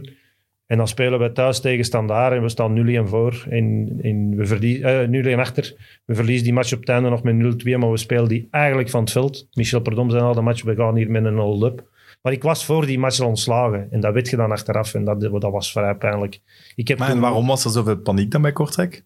Ik weet het niet. Ze zaten niet in, in de problemen of het leek Nee. toch niet helemaal fout Nee, te maar lopen? ja, als de Nee. voorzitter al geen klik had met de coach, dan zoekt hij gewoon ergens een moment. En ik, ik, toch ik, ik, had een ook. ongelooflijke band met mijn spelersgroep op dat moment. En, en met iedereen in de club. En dat liep eigenlijk goed. En ja, oké, het ging een beetje up en down. Maar met die spelersgroep waren ook een aantal mensen vertrokken. Ehm, en ja, dan, dan moet je achteraf vernemen dat je eigenlijk al voor de match tegen Standaard wordt ontslagen. Eh, niemand durft mij iets zeggen. De spelers wisten dat blijkbaar al. Eh, dan zijn wij donderdag nog een wedstrijd gaan spelen met de tweede snelheid. Hè, De gasten die dan zondags niet hadden gespeeld op Antwerp. Die wedstrijd heb ik ook nog gecoacht. Maar toen En- had je het wel. Nee, gehoord. toen wist je het ook nog Ook niet. nog niet. Nee. Maar qua communicatie kon dat wel Nee, iets dat, dat, was, netter. dat was pijnlijk. Dat was echt pijnlijk. En met de rust. Ik kreeg al, mijn telefoon zit altijd in mijn linkerbroekzakje. En ik kreeg altijd op de telefoon, telefoon, telefoon. Ik dacht van, wie heeft er mij nodig? Dus met de Je rust. zet je niet af tijdens de match? Normaal gezien ligt hij niet met een bureau. Maar nu met die vriendenmatch. Ah ja, vriendenmatchje. vrienden, Maar ja, het is niet En dat je ik- ging opnemen of zo. Nee, nee, nee. Dus, ja. Maar met de rust ging ik wel een keer kijken. Ah, ik had ja, tien gemiste oproepen. Ja. Dus ik had zoiets van, ja, misschien is er iets met mijn familie of zo. ja, ja, of, kan je altijd, weet het niet, hè. Met de rust even... Ja, met een vriendenmatch in een normaal match zou ik dat nooit niet doen. Dan ligt hij niet met een bureau of, of uit een teammanager die bij hem. Ja. Eh, maar voor de rest... Dus ja, maar nu ging ik eens kijken en ik had eh, vier gemiste oproepen van, van Leterme en, en zes van Frank Buissen. En een WhatsApp van Frank Buissen, daar stond in, is het waar dat jij ontslagen bent? Natuurlijk, als je dan op dat moment vier eh, gemiste oproepen van Leterme hebt, ja, dan weet je hoe laat dat is. Hè? Maar ik heb dan die tweede helft van die match nog gecoacht. Maar had je dan expres rare dingen gedaan? Nee, Man. nee, nee want dat, Ik zou daar echt een keeper van voorzetten. die- dat en- verdienen die jongens ook niet. Nee, oké, dat is waar. Eh, Je pakt er dus mensen je- bij die dan- er niks mee zit te dan maken hebben. professioneel. Ja, dat is waar. En dan, ja, dan ben ik dat is het match- verschil, Sam. na de match ben ik dan eh, eh, naar buiten eh, gegaan. Eerst naar de kleedkamer, en dan naar buiten gegaan en dan de termen gebeld. En dan zei hij van ja, ik zit hier op u te wachten in de Kroonplaza. Ik zeg, Maar ja, die moet toch ook zei- weten dat je een match had? Allee, op wat ik zei, ik zei om te zeggen dat ik ontslagen ben. Nou, ik zou liever hebben dat je naar hier komt zijn. Ik zeg, ja, maar ik weet al dat ik ontslagen ben van een journalist. En heb je Dus, dan eh, gezegd, geen- gast, leg me nu eens uit hoe dat komt dat ik voorstand daar al buiten lag, dat iedereen dat hier wist, maar Nee, dat je dat niet durft zeggen. zin. Ik Ja, die gaat daar ik wou iets liever, ik daar wou liever niemand niet zien. Maar je moet dan nog wel de kleedkamer binnen om tegen je spelersgroep te gaan zeggen dat je ontslagen bent. tot, eh, tot, En doen die dan zo van, eh, ah, oh, wist ik niet. Ja, dat is, dat, is, dat is een begrafenisstemming op dat moment. Hè. Maar voetballers zijn, er, zijn eraan gewend, neem ik aan. Dat was een begrafenisstemming, hè. maar, Ja, ik, maar was gelukkig, ik was gelukkig met een auto gekomen, omdat dat, ja, de Antwerp, dat is op vijf kilometer van mijn deur. Eh, ik Ja, anders moesten we met de bus naar met de Kortrijk. bus naar Kortrijk, kun je dat voorstellen? Ja, dan zou ik een taxi pakken. Ja. Ja. Ja, dus eh, ik was gelukkig met een auto. En dan eh, ben ik s'avonds nog naar Kortrijk gereden, met een teammanager afgesproken, om in, in de donkere mijn kast te gaan leeghalen, alles mee te pakken. En ja, dan wilde daar niet meer zijn. Ondanks het wel, feit dat eh, ik, ik zeg het, met die mensen daar, ik was daar super graag in Kortrijk. Ehm, ik ook weent een je heel dan? mooie club. Weent je dan? Nee. Ik, ik ben wel zo mentaal- emotioneel. Ik zou willen, als je daar in het donker zit en allee, dat mes zit ook net vers in je rug. Vooral als je dan een auto instapt wel- en je weet, ik kom hier niet meer Die, terug. die, en die reis van. Kortrijk naar Schel is, is, is wel zwaar, ja, dat Ja. is logisch. Hè. Ik Vooral omdat het ook niet verdiend is. Moest de laatste staan en moest de spelersgroep Ja, moest, voilà. moest de kleedkamer kwijt zijn, dan is dat iets anders. Dan, dan alleen zoals mijn ontslag bij Moeskroen, ja, dat, dat, dat, dat was... Ik kan niet zeggen dat het terecht was, maar het was een, een verademing dat ik daar weg was. Er was iemand eh, binnen het technisch gedeelte van de club die een account had aangemaakt op voetbalkrant om haat te zaaien tegen Glenn de Boek. Dat kun je niet winnen. Wij kwamen terug van Sint-Truiden en op de parking stond met een auto omringd met dranghekken en, en tien paletten eieren. Het was aan het vriezen, die waren vastgevrozen op een auto. Ja, dat weten dat, dat dat verhaal stopt. Je kent dat verhaal, Man, dat de supporters man. tegen u worden opgezet. Ja, dan, dan, dan weet je van, dat stopt beter. Dat is, stopt beter. dat is- En een dag dat is daarna- gewoon amateurisme op het hoogste niveau. Hè. De dag Dat is daarna... echt iets weird, hè? Ja, dat is gewoon Hoe klein, klein dat dat klein allemaal is. kinderstreken. Hè? Ja, ja, maar dat dat op dat niveau kan. Allee, Ja, maar ga praten over een Moes Kroen. Allee, ja, met alle respect voor Moes Kroen. Ja, dit blijft- dat is een, een blijft het hoogste je dat, niveau, Een volière, hè? Ik bedoel, Moes Kroen. Ja, oké. Nu Maar dat meer, is wel... Allee, dat, dat verhaal van Miskroen is gewoon ridicuul. Dat is belachelijk. Dan moeten ze zeggen van... f- f- Allee, voert. Ja, dat is de blij dat, je- dat, is de blij dat dat stopt, hè, want, want je kunt dat niet winnen. Hè. Als, Nee, dat iemand, kun je niet winnen. als iemand achter je rug op Hey. sociale media... Kleinkinderen dan, jong, kom. En Als je een auto eh, gaan, gaan rondbouwen met, met eieren en zo, met wat zijn we dan beet? Blijft wel profvoetbal. Je zet wel gelijk de boek van Anderlecht, van KV Mechelen, allee, WK gespeeld. Vooral van Anderlecht. Nee, maar als ik... Sorry, op dat moment zou ik gewoon zeggen, jongens, kom, echt. Nu is het genoeg, hè. Maar Maar ja, ja, als het je zelf- ook je job, hè. ja, het is je job. En als je zelf opstapt, dan laat er waarschijnlijk nog wat geld liggen ook. Hè? Want dat is het dan. Hè? Ze moeten niet ontslaan, dan krijg je geld. Maar ja, jongens, over wat gaat het dan nog? Dat kunnen toch in die voetbalwereld kapot aan ergeren. Het is professioneel voetbal, hè? Het is Eh, geen ja. cafévoetbal, hè? Nee, maar er speelt zoveel emotie bij dat Ja, het het is- nooit ja, altijd professioneel blijft. Jammer Als dat vanuit fans komt, kan ik dat Maar begrijpen. ja, fans kun je echt gemakkelijk beïnvloeden, heb ik ook het gevoel. Maar vanuit een bestuur en, mensen binnen sociale de club- media, het zal wel zijn. Ja, voilà. Daar moet er maar één tussen zitten die, die, die, die een pik op u heeft. En dat, dat, dat, Allee, ik Het kan dan ver binnen, binnen, binnen Ja. het technisch gedeelte van, van de club. En dan moet, allee, je moet dan al een slechte mens zijn om dat te doen, sowieso. Maar als dat dan gebeurt, dan houd je niet meer tegen. Hè? Dat is een lopend vuurken. Hè? Oh, maar ik heb nu een verhaal van, vanuit KV Mechelen. Eh, Verrassend. waar ik uw mening graag over wil. Dus eh, de supporters, eh, het ging niet goed, ze hadden 0 op 9 gepakt hier in augustus. En supporters vinden dan eh, direct van, ja, wat is er aan de hand? Ze trainen te weinig. En de supporters hadden dan de biljartkeus uit het spelerzoom gaan halen, omdat ze dan vinden, er wordt te veel gebiljard en te weinig getraind. Dat, dat gaat toch, ik vind dat toch ook al een zeer bizar Dat gegeven. vind ik ook iets weird. Dat kun je toch niet toelaten op dat niveau? Maar die Toch? supporters die zouden er eigenlijk al niet moeten binnen kunnen. Voilà, dat vind ik ook. Dat is toch bizar? Ja, maar die zijn mee-eigenaar. Dat ja, supporters, ja, een harde kern, zo kort bij je spelersgroep kan komen, dat is toch nooit gezond? Klopt. Dus je geeft, mij, je geeft mij is gelijk de- dat dat niet Ja, wat is de vraag eigenlijk? Nee, voilà. Dat, ja, maar ja, hoe dicht dat mensen binnen een club bij zo'n spelersgroep en een trainer altijd kunnen dan- komen het te is nog altijd staan. dan een trainer, denk ik, om te bepalen dat ze genoeg trainen, ja of nee. Voilà. Ja. Eh, Ieder zijn en, job, en, en als er daar moeilijkheden mee zijn, ik denk dat er een vertegenwoordiger van de supporters mee in het bestuur zit in KV Ja, klopt. Daar, daar zat hij. Ehm, Of nu zeg je het niet meer, maar je waart het wel jaren. was het, ja. Ehm, Maar als Dante daar- van Zijr heeft als je- dan, gekraakt. dan denk ik dat je als, als, als technisch gedeelte eh uw trainer moet roepen en, en, en vragen van, wordt er genoeg getraind? Kun je gaan staven dat er genoeg getraind wordt? Hoe zit het met de fysieke paraatheid? Dan gaan we terug naar data. Hoe zit het met de fysieke paraatheid van de spelers? Als die oké is, of dat die dan drie keer biljaren of vijf keer biljaren, dat mocht niet uit. nee, wat maakt dat biljaren? Eigenlijk, snap dat eigenlijk zo'n biljart zorgt biljart- eigenlijk nog voor een soort teambuilding. Ja. Want ze blijven hangen op de club. Ze, ze, ze amuseren zich met elkaar. Ze leren elkaar Tuurlijk. nog beter kennen. Allee, ik, ik ben daar voorstander van. Van spelers die op de club blijven hangen. Gewoon puur omdat ze bij elkaar zijn. En Omdat ze graag op de club zijn. ja, omdat ze graag op de club zijn. Er zijn andere clubs waar, dat, eh, waar ze... Nou, ik heb andere spelers geweten die na vijf minuten... Ah, ik was altijd een speler die na de training nog graag wat lange ballen trapte. Of, of nog, nog eh, een sprintje trok of whatever.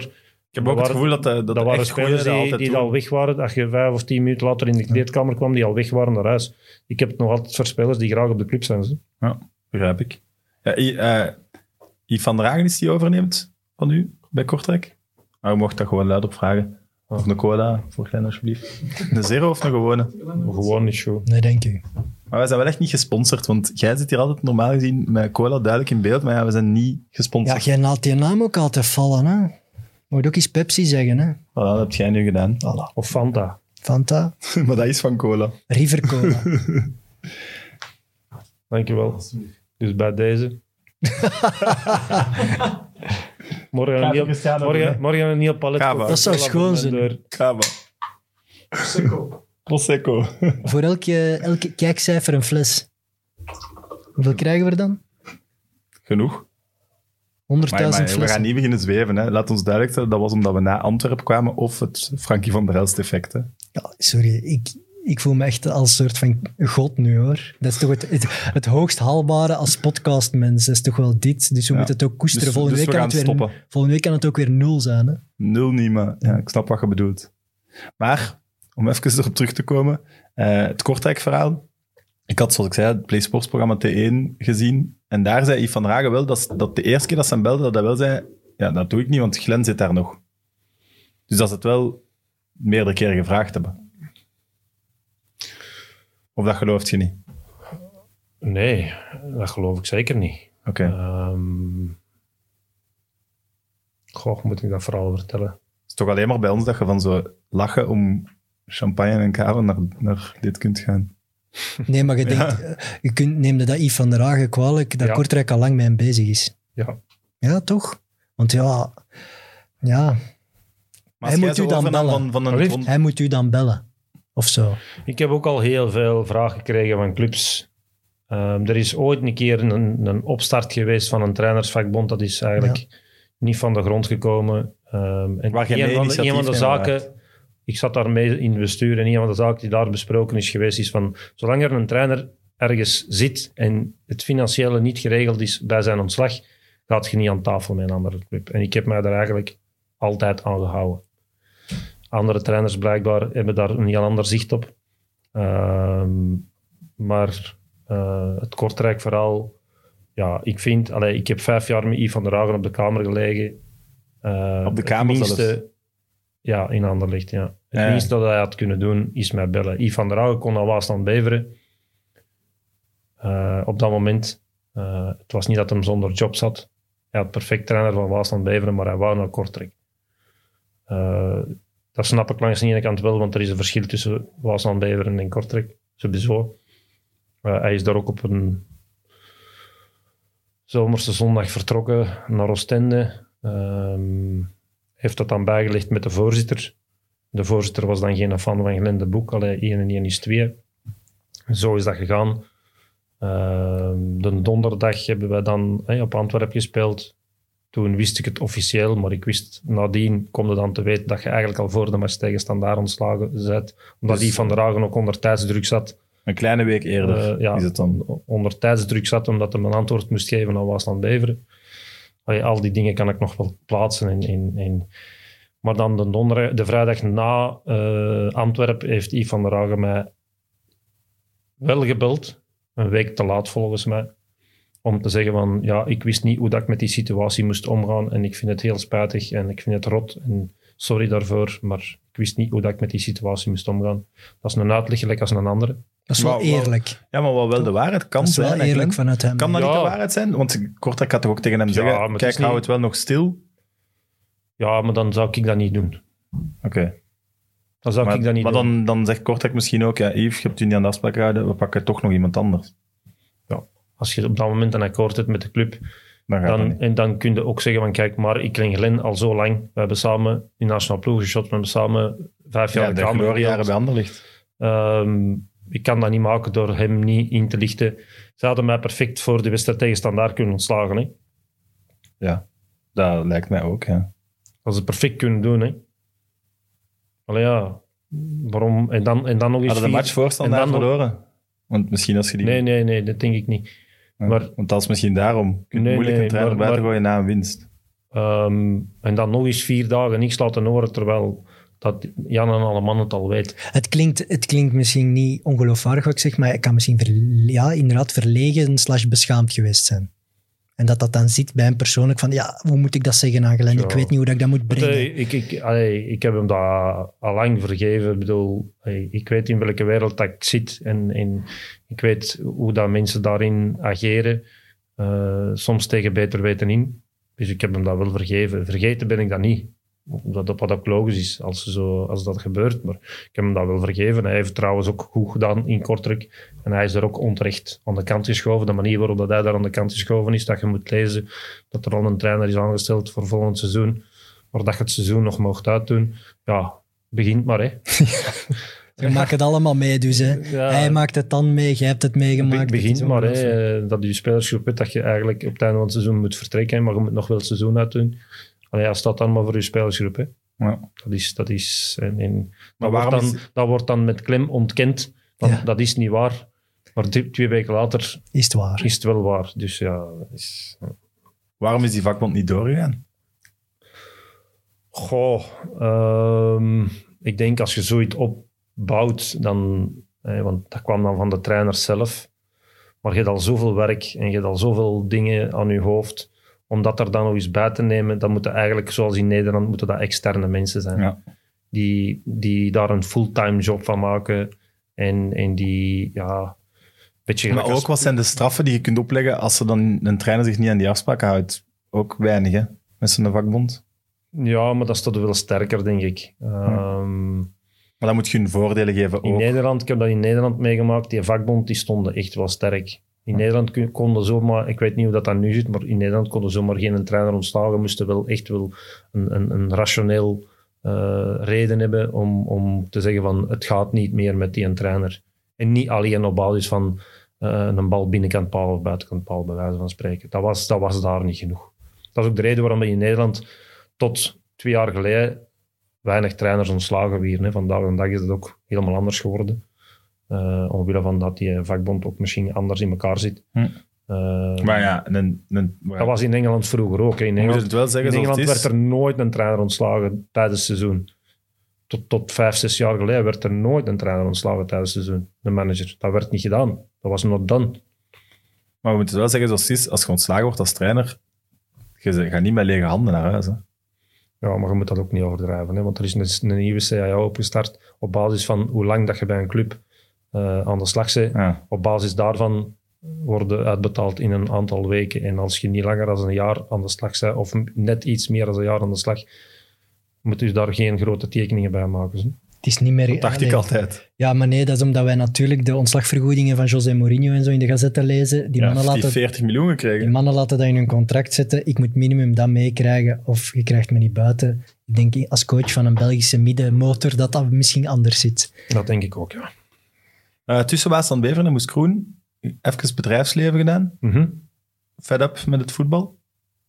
Ja, omdat, omdat je ay, in Waasland-Weveren, ay, ook daar, ay, in, in maart willen ze, willen ze bij wijze van spreken een standbeeld zetten. Je maakt een driejarenplan eh op basis van je ervaring. En je ligt dan, ze volgen dan je driejarenplan niet. Want ze maken zelf een plan, 15 nieuwe spelers, en trekt je plan. Ehm, ook daar zo van, hey, eigenlijk is dat een mirakel. Hè? Met die ploeg erin blijven op dat moment is een mirakel. Absoluut. En je moet dan lezen in de krant van, ja, als je in de boek binnen de 48 uur niet beslist of wat hem wil blijven, dan pakken we een andere, want er zijn trainers genoeg op de markt. Ook daar, ja, dan, dan, dan...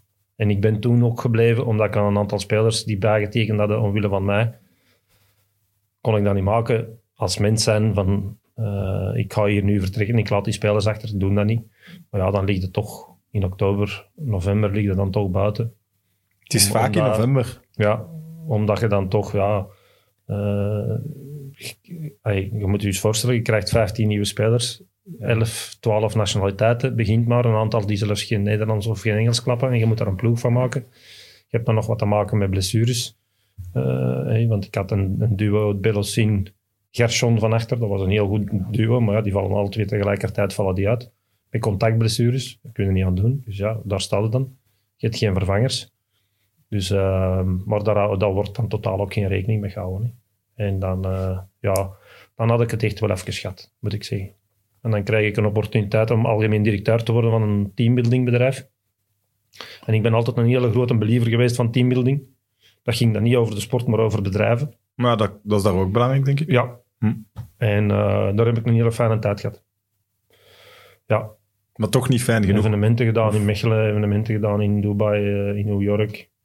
Eh, een stuk van de wereld gezien. Oh ja. ik, heb, ik heb heel veel van de wereld gezien, maar Dubai, New York, als je daar kunt werken, een slechte plaats.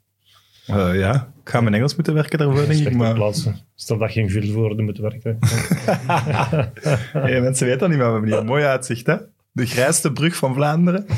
Nee, maar ik heb daar een fijne tijd gehad. Maar ja, dan begint dat toch te kriebelen terug. En, en ja, je passie ligt bij het voetbal. Ja, wel, maar dat wil ik dan... Allee, dat je voelt ook al toch ergens dat eenmaal het voetbal roept, gaat je. Ja, maar ik weet wel, dat was echt nieuws, hè? Toen jij, want je was met een Ja. persconferentie en je dacht, echt, voetbalwereld, ciao. Ja, ik had echt op dat moment zoiets van... Goh, maar je weet eigenlijk hoe wat ik bedoel. Wow, maar als je inderdaad ik heb weet, goede dingen gedaan in voetbal. Ja. Laat ons eerlijk zijn. Eh, di- dingen gedaan die andere mensen niet wilden doen of niet durfden doen, heb ik wel aangepakt en ben daarin geslaagd. Dus ehm, ik heb echt wel goede dingen gedaan en ik zal ook nog wel goede dingen kunnen doen, daar ben ik van overtuigd. Je moet alleen de kans krijgen en de juiste mensen op de juiste plaats tegenkomen. En dan... Maar de adrenaline van het voetbal is toch onevenaarbaar, dus dat mist je toch na een tijd sowieso. Ja, maar dat is zo. Dat hè. spelen voor dat resultaat is toch ja, het Ja. summum. en die voorbereiding naar die wedstrijd toe en die laatste uren naar die wedstrijd toe. En, en- en- Daar kan een teambuilding in Dubai, met alle respect, zelfs niet tegenop. Wasland Nee. Beveren redden op een of ander veld, die moest kroegen. Nee, maar je dat kunt, is ook toch voldoening nog halen, je kunt ook voldoening halen uit, uit andere dingen. Hè. Ik, heb, ik heb ooit een teambuilding kunnen doen eh, voor een bedrijf eh, waarin dat een, een generatiekloof zat tussen generatie 20, 30, 40, 50. Die kwamen niet overeen in de kader. En eh, ja, dan, dan maakte daar een teambuilding voor. En dat zijn dan teams van vier. In elk team zit die van 20, 30, 40 en 50. En die hebben elkaar nodig om Ja, ja. die proef uit te voeren, want die kunnen niet anders dan met elkaar communiceren. Want anders lukt die proef niet. Dus die mensen moeten dan een hele dag met elkaar communiceren. En op het einde van de dag doen ze een barbecue en dat is één groot team. En dat is dan leuk. Misschien moeten wij ook eens een teambuilding doen, joh, met Mit Mit. hè. Ah, We zitten hier al Prosecco te drinken. Dus Ja, maar ja, er is altijd zoveel discussie over. Zijn wij wel echte vrienden? Misschien kan zo'n teambuilding ons net over de drempel duwen. ik heb toch maar mooi mijn trouwuitnodiging. Ja, maar, je- En zoals ik al gezegd heb, ik ga je daar arm eten en drinken. maar die teambuilding, dat is zo... Hein van Azenbroek en zo gelooft daar ook heel hard in. Hè? Die, eh, maar ik geloof dat ook. voor het seizoen echt Zeker omdat speciale je op korte doen. tijd Ja. iets moet smeden, moet je het misschien ergens forceren om het in gang te doen. je Je moet je, ze, je ja. moet ze eigenlijk in, in hun blote zetten. Hè. Je moet echt back, Voilà. back to basic. Hè. Je moet echt back to basic. Ik ging een uh, geen, geen telefoon, maken. geen telefoon, Voilà. geen tv, niks. En gewoon samen eh, elke dag een ander team. Dan, dan moet zorgen voor het eten voor de andere spelers. Ehm, Ja, ja. Bjarne Ries, jongen, die ging met zijn wielermannen toch ergens eh, bovenop een berg. Inderdaad, los van alle contact. Doping beetje pakken, hè, man. Ja, nee, als teamleider, een survival-tocht en zo doen. En, al, En doping pakken, hè. Nee, nee, als bloed. teamleider... Nee, omdat je, als je in die ho- hoge bergen zit, krijg je toch meer rode bloedcellen of zo. Moesten die hun bloed daar afgeven? Ik dacht altijd dat de Ze resultaten... zeggen dan teambuilding Ja. om de naïeve wieler van mee te krijgen. Ik dacht altijd, die mannen die winnen wedstrijden met goede vrienden zijn. maar nu beweerde jij iets anders, Sam. Eh, ik ken er ook niks van. Heb jij veel vrienden overgehouden aan het voetbal? Denk bijvoorbeeld Lorenzo Stales.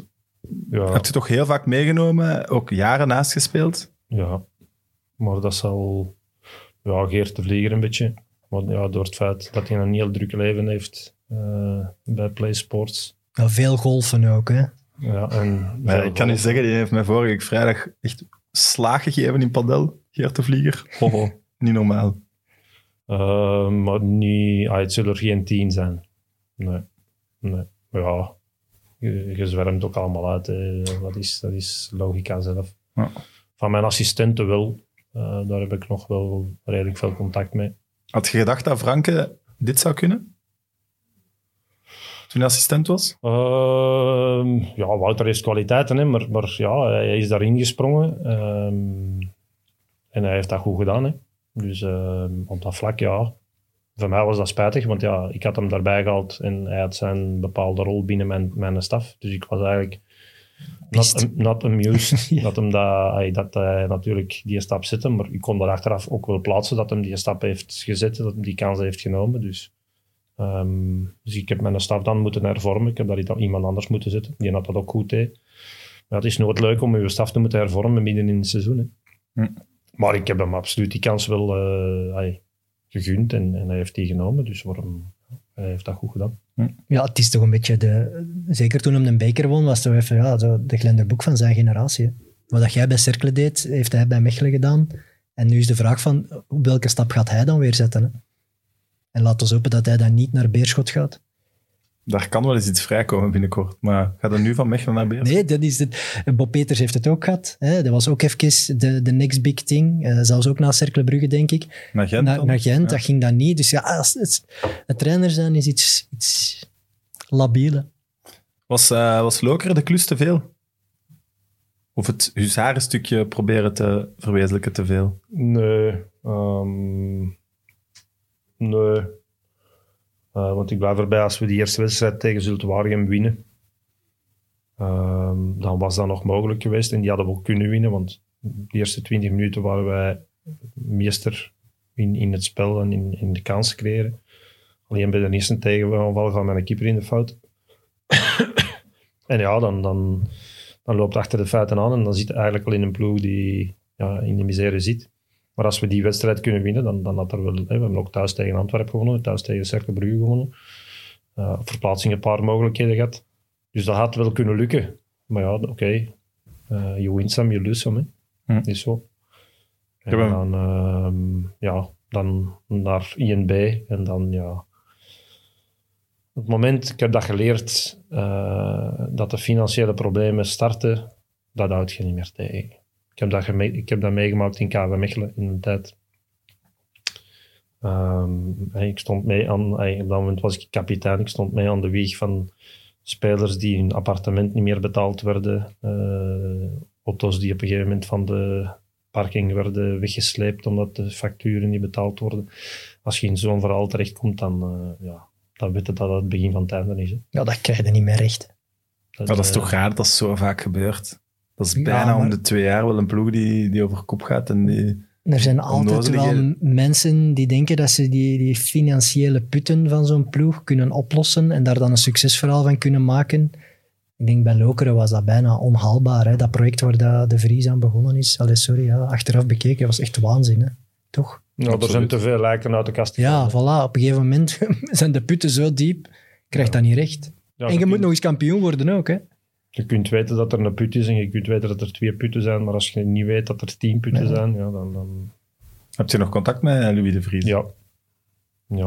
Ik heb hem achteraf wel vergeven. Op dat moment was het ook moeilijk, want ja, als een van uw, ja, ik kan niet, ay, goede kennissen, ik kan niet zeggen vrienden, ay, vrienden, eigenlijk wel, u op een gegeven moment moet laten vallen eh, op basis van, ja, conflict over geld. Want eigenlijk wilde hij mij niet laten vallen, maar hij was genoodzaakt om. Ja, dat is zeer, hè.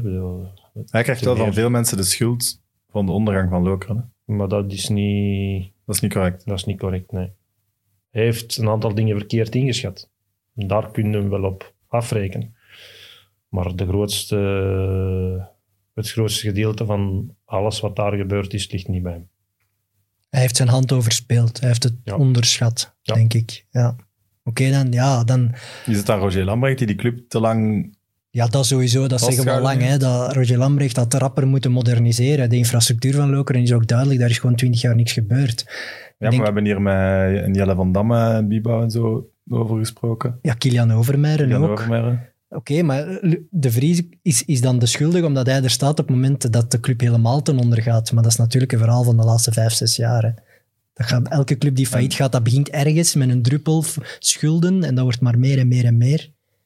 En in de afwikkeling, als Ja, hij als, je misschien denkt, door als je denkt dat je, dat een club overneemt voor 4 miljoen en dat dan alles weg is, en dat blijkt achteraf niet het geval te zijn dat het veel meer is, en je hebt dan zelf niet de zak geld, zoals bijvoorbeeld eh, Koeken. Koeken of Gijssen, of, hè, die wel die zak geld hebben om te zeggen van ik vis dat hier dicht met een Ja. kapitaalsverhoging, dan heb je een probleem. Hè. Ja. Dat is heel simpel. Hè.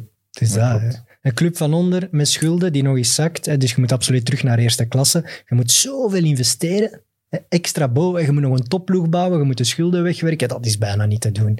In Belgisch voetbal zou ik zeggen, begint er niet aan. Sorry voor die clubs, maar begin dan terug vanaf nul met een lokaal verhaal en probeer terug iets schoons te bouwen. Maar zo'n club absoluut willen redden in het profvoetbal, omdat, het, ja, omdat je dat wilt voor je eigen ego of je eigen ambitie, begint er niet aan. Denk ik. Eh, Thomas van Zelen vroeg zich af, welke speler bij Lokeren was meest gemotiveerd? Want er was wel toen je aankwam een motivatieprobleem. er is maar één speler wat ik daar kan uithalen. En, en, en eh, ik hoop dat hij snel zijn trainersdiploma haalt. En dat, hij ooit, dat ik daar ooit nog eens terug kan mee samenwerken als mijn assistent dan. Maar dat is Kilian Overmeijer. Ja. Want ik Een- herinner Een mij... betere prof kun je niet, kun je niet vinden, volgens mij. Dat is een gast, ja, dat is één, dat is een crème van een gast. Eh, Die ging, die, die ging voor de spelersgroep door het vuur, die ging voor de staf door het vuur, die ging, ja, dat, dat, dat, ik heb er weinig zo tegengekomen in mijn, eh, in mijn carrière, eerlijk gezegd. Oké. Maar ze heeft nu een eh, schoonmaakbedrijf, eh, start een padelclub ook, denk ik. Dus ja, die gast is wel met van alles bezig. Die zat nog bij Club Next een tijdje, hè, toen dat er nog sprake Ja, was van om daar te gaan of- voetballen. ja. Maar ik denk, die komt ook terug naar het voetbal. Daar ben ik eigenlijk wel zeker Dat van. hoop ik wel. Ja. Heeft, heeft er genoeg voor betekend Ja. ook. Ja, als Kortrijk belt, ga je daar nog terug op in? ja, Ook met dezelfde mensen? Ja. Ja. Oké, siert u wel dat- dat je daarover zou kunnen zetten? Ja. Omdat ik geloof wel... Ik geloof in die club. En... ehm, ik geloof ook in de mensen die daar nu zitten. Ehm Alains is daar nu weg. Ehm, want die is erevoorzitter geworden. Die heeft zelf toegegeven in dat programma bij jullie, als het met voorzitters was, President. ja, Ja, dat, ze van het, dat ja. ze het ontslag van Gelendeboek niet correct hebben eh, behandeld. Ehm, dus ik denk dat je ook wel weet dat dat inderdaad niet correct was. Maar ik zou dat terug... Ja, dat is een club waar ik morgen terug zou willen eh, trainer worden. Ja. Mooi. Doet er mij wel aan denken dat jij nog iets moest opbiechten. Ja, ik had dat hier ook nog staan, hè, maar... Ah ja, oké. Nee, maar ik dacht er ineens aan. Ja, oké. jij Omdat ik zeer benieuwd ben naar Glenn zijn reactie.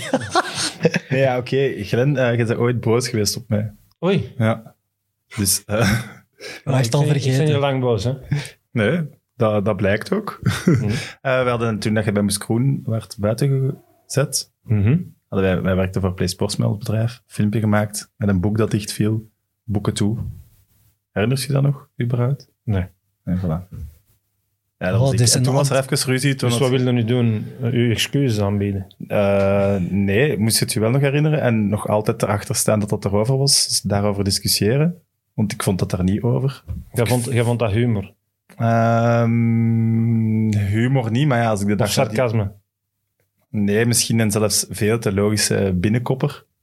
Dus dat niet grappig is, omdat het te voor de hand liggend is. Kinderlijke humor dan? Ja, misschien dat wel, Het is maar voor de niet, kliks niet en de maar, wel, likes, hè? maar wel niet... Het is voor de kliks, hè. Ah, voor de social kliks. hè. Maar, ja, de maar dat, kinderlijke- nee, nee, nee, dat maakt voor de kinderlijke van. klik. Nee, maar dat is toch gemaakt, toch zo'n post over een ontslag van iemand? Ja, heel, heel braaf meedelen. Glenn de Boek eh Voilà, neemt ontslag of is ontslagen door Moes. Dat is te saai. Gaat op, maar ik vond het er ook niet over of niet schofferend. Het is uiteraard met uw achternaam heeft het mee te maken. De dag nadien in de kranten stond ook in een aantal koppen boeken toe voor Glenn de Boek. Zo'n ding. Ik vond het niet schofferend. Moest jij... Hoe oud word je toen? Ja, hoe lang is dat geleden? Vier jaar geleden? Vijf jaar geleden? In mijn twintiger jaren. dat is echt veel. Ja. Op, op je 50 gaat dat niet meer doen. Eh, we- ik moet ook eerlijk zeggen, we hebben, ik denk dat een jaar daarvoor met Bob Peters of zo eh, was buitengezet. Ik weet niet meer waar. Toen hadden we een filmpje gemaakt bij Wolf Wall Street. Wordt er zo'n dwerg naar een roos gegooid. Daar hadden we zijn hoofd op gezet en dan gewoon erbij. Bob Peters is buiten gesmeten. Dat was ook een hele rel. En toen heeft, hebben we echt met de redactie, want wij waren dan zo de jongere mensen van social. Dan dingen, ja, tot, allee, waar trekt je de grens? Ik vond dat allebei dingen Op het moment dat je dat maakt, niet, dat, dat is ook niet, dat is ik niet persoonlijk op Ja. u, of dat is niet... Als jij, ik zeg het, als jij met Moes eh, aan kop stond, hadden we u ook op een troon gezet en daar, van u een koning eh, van Wallonië gemaakt, En noem dan maar ik kan wel humor hebben. Ik kan wel humor. Voilà, dus terug, vriend. Terug, vriend. voilà. En nu moet jij nog iets opbiechten, Evert, Oei. over onze giveaway. Leg Ja. het maar uit aan de, aan de fans. Nog nooit zoveel mensen meegedaan aan een giveaway. De linkerschoen van Frankie van der Elst. Heb jij daar ooit mee gespeeld, Ja. Glenn? Ja, hè? Goeie schoenen, hè? Goeie schoen. En het jaren 90 denk ik bijna iedereen. Dus deze zijn van Frankie van der Elst, gedragen op het WK 98. Getekend door Frankie van der Elst. Hangt daar nog spousel op of niet? Maar hij, hij, heeft, hij kwam hier, Frankie, Frankie zal weten over wat ik het heb. Hij heeft op zijn, zijn eigen schoenen gekotst. Oei, dat het zo warm was. Nee, nee. Nee, nee, maar hij ging daar niet mee uit, hè? Nee, nee. Ja, nu moet je da- het de, dag na, dag nadat we uit geweest waren op training. En Frankie had maar beweerd dat hem zo braaf is. hè. Godverdomme. Maar hij heeft vorige week echt gezegd dat te veel dronken is. Maar dus, eh, enkele jaren geleden heb ik deze schoenen cadeau gekregen van Cyril Cheffrey, want die had die gewonnen bij de Sportvoetbalmagazine, maar die lagen op zijn zolder. Dat zei je vorige week ook al. Voilà. Maar Dus dan, Wij geven de linker schoen weg. Niet de rechter, de linker. Iedereen wil dat winnen. Elke... is toch niet gebruikt, die linker. Nee, voet voilà. Elst. dat zei ik ook. Dus die is eigenlijk nog perfect in orde. Maar dus, ik weet niet hoeveel, duizend supporters willen dat winnen. Uniek stuk. Cyril Cheffret bekijkt onze aflevering en trekt zijn cadeauschoenen terug in en wil ze nu toch bijhouden. Dus we hebben een probleem. We kunnen deze schoen niet meer weggeven. Ook al hebben duizend mensen geprobeerd deze te winnen. Maar wij hebben geen probleem. Jij hebt een probleem. Ik heb een probleem, ja, want... Ja, ik wacht, ben de wacht, we moeten... tussenpersoon. Ja, eh Sirik, ik vind het raar een cadeau intrekken. Het is maar jij zegt dat hij dat mag doen, dus... Ja, ik vind ook... Als waarom hij- heeft hij een reden gegeven? Waarom dat ja, omdat hij misschien nu toch heel graag die schoenen toch wel op zijn schouw wil zetten. Ik weet het niet. Omdat die zijn al vijf jaar bij Frankie van der Rest bij jullie in het programma heeft gezien. Ja, denk het. Dus eh, slechte timing van jullie. Eh, pff, allee, wij zijn de schuldigen. nee, maar ja, we zullen afspreken. Wat moeten we nu doen? Ja, we zullen afspreken. Sirik, kom ze maar halen. Dus we Ja. zetten ze hier. Ja. En, want ga wel wel iets als compensatie Ja, aan de dus- winnaar geven. Een Brugge-fan die we alsnog eh, een prijs willen geven. Op eind november is het KV Mechelen Club Brugge, Eind november. achter de kazerne. En aangezien dat ik daar altijd en mijn kantoor van mijn productiehuis ook in het stadion achter de kazerne zit, ben ik daar ook elke week. Wij willen twee, eh, die, die mensen dat dat wint, een duo-ticket Ik zal je wel weggeven. zeggen wie wint. Jens Dumonceau. Oké, je hebt toch wel gecheckt dat dat een Sava gast is. Want we gaan dus een, we gaan dus een duo-ticket weggeven in de skybox bij ons. Met alles erop en eraan. Een toffe avond. Sam, jij gaat daar hopelijk dan ook zijn. Dus dan Eh, kunnen we Dat is daar... mijn verjaardag. Dus Ah, oei. eind november. Ja, allee, dat kan zijn dat dat niet op die dag is. Dus je moet niet zo Een meet, meet-meet special bij KV Mechelen Club Brugge. En die gast mag daar met iemand naar keuze mee naartoe komen. Dat lijkt me een tof alternatief. En dan hopelijk ooit nog eens die schoen als Sirik zich bedenkt. Ah, wel, we zullen zeggen, we leggen die schoenen hier. Sirik moet ze maar komen halen. En als ze tegen eind november nog niet zijn opgehaald, dan geven we ze toch. Oké, goed. Voilà. Glenn, eh, ja, we hebben het nog niet over de spelerscarrière gehad. Die ook. ja, we Ah, kunnen ja. niet... allee, we kunnen eigenlijk nog door, maar ik voel ook dat we wat moe aan worden. Misschien nog eens terugkomen dit seizoen. Met veel plezier. Als je tegen dan nog niet trainer zet bij Ja. Kortrijk. Zeg Laat maar. ons hebben. Ja, voilà. Merci alleszins om te komen. Graag gedaan. Evert, je bent er volgende week terug. Ik denk het wel. Een hele speciale gast volgende week. Of ook niet, want we hebben er weer geen. Maar het komt helemaal goed. en de kijkers en luisteraars, tot volgende week. Bye. Mit Mit, de voetbalpodcast van Friends of Sports en Play Sports.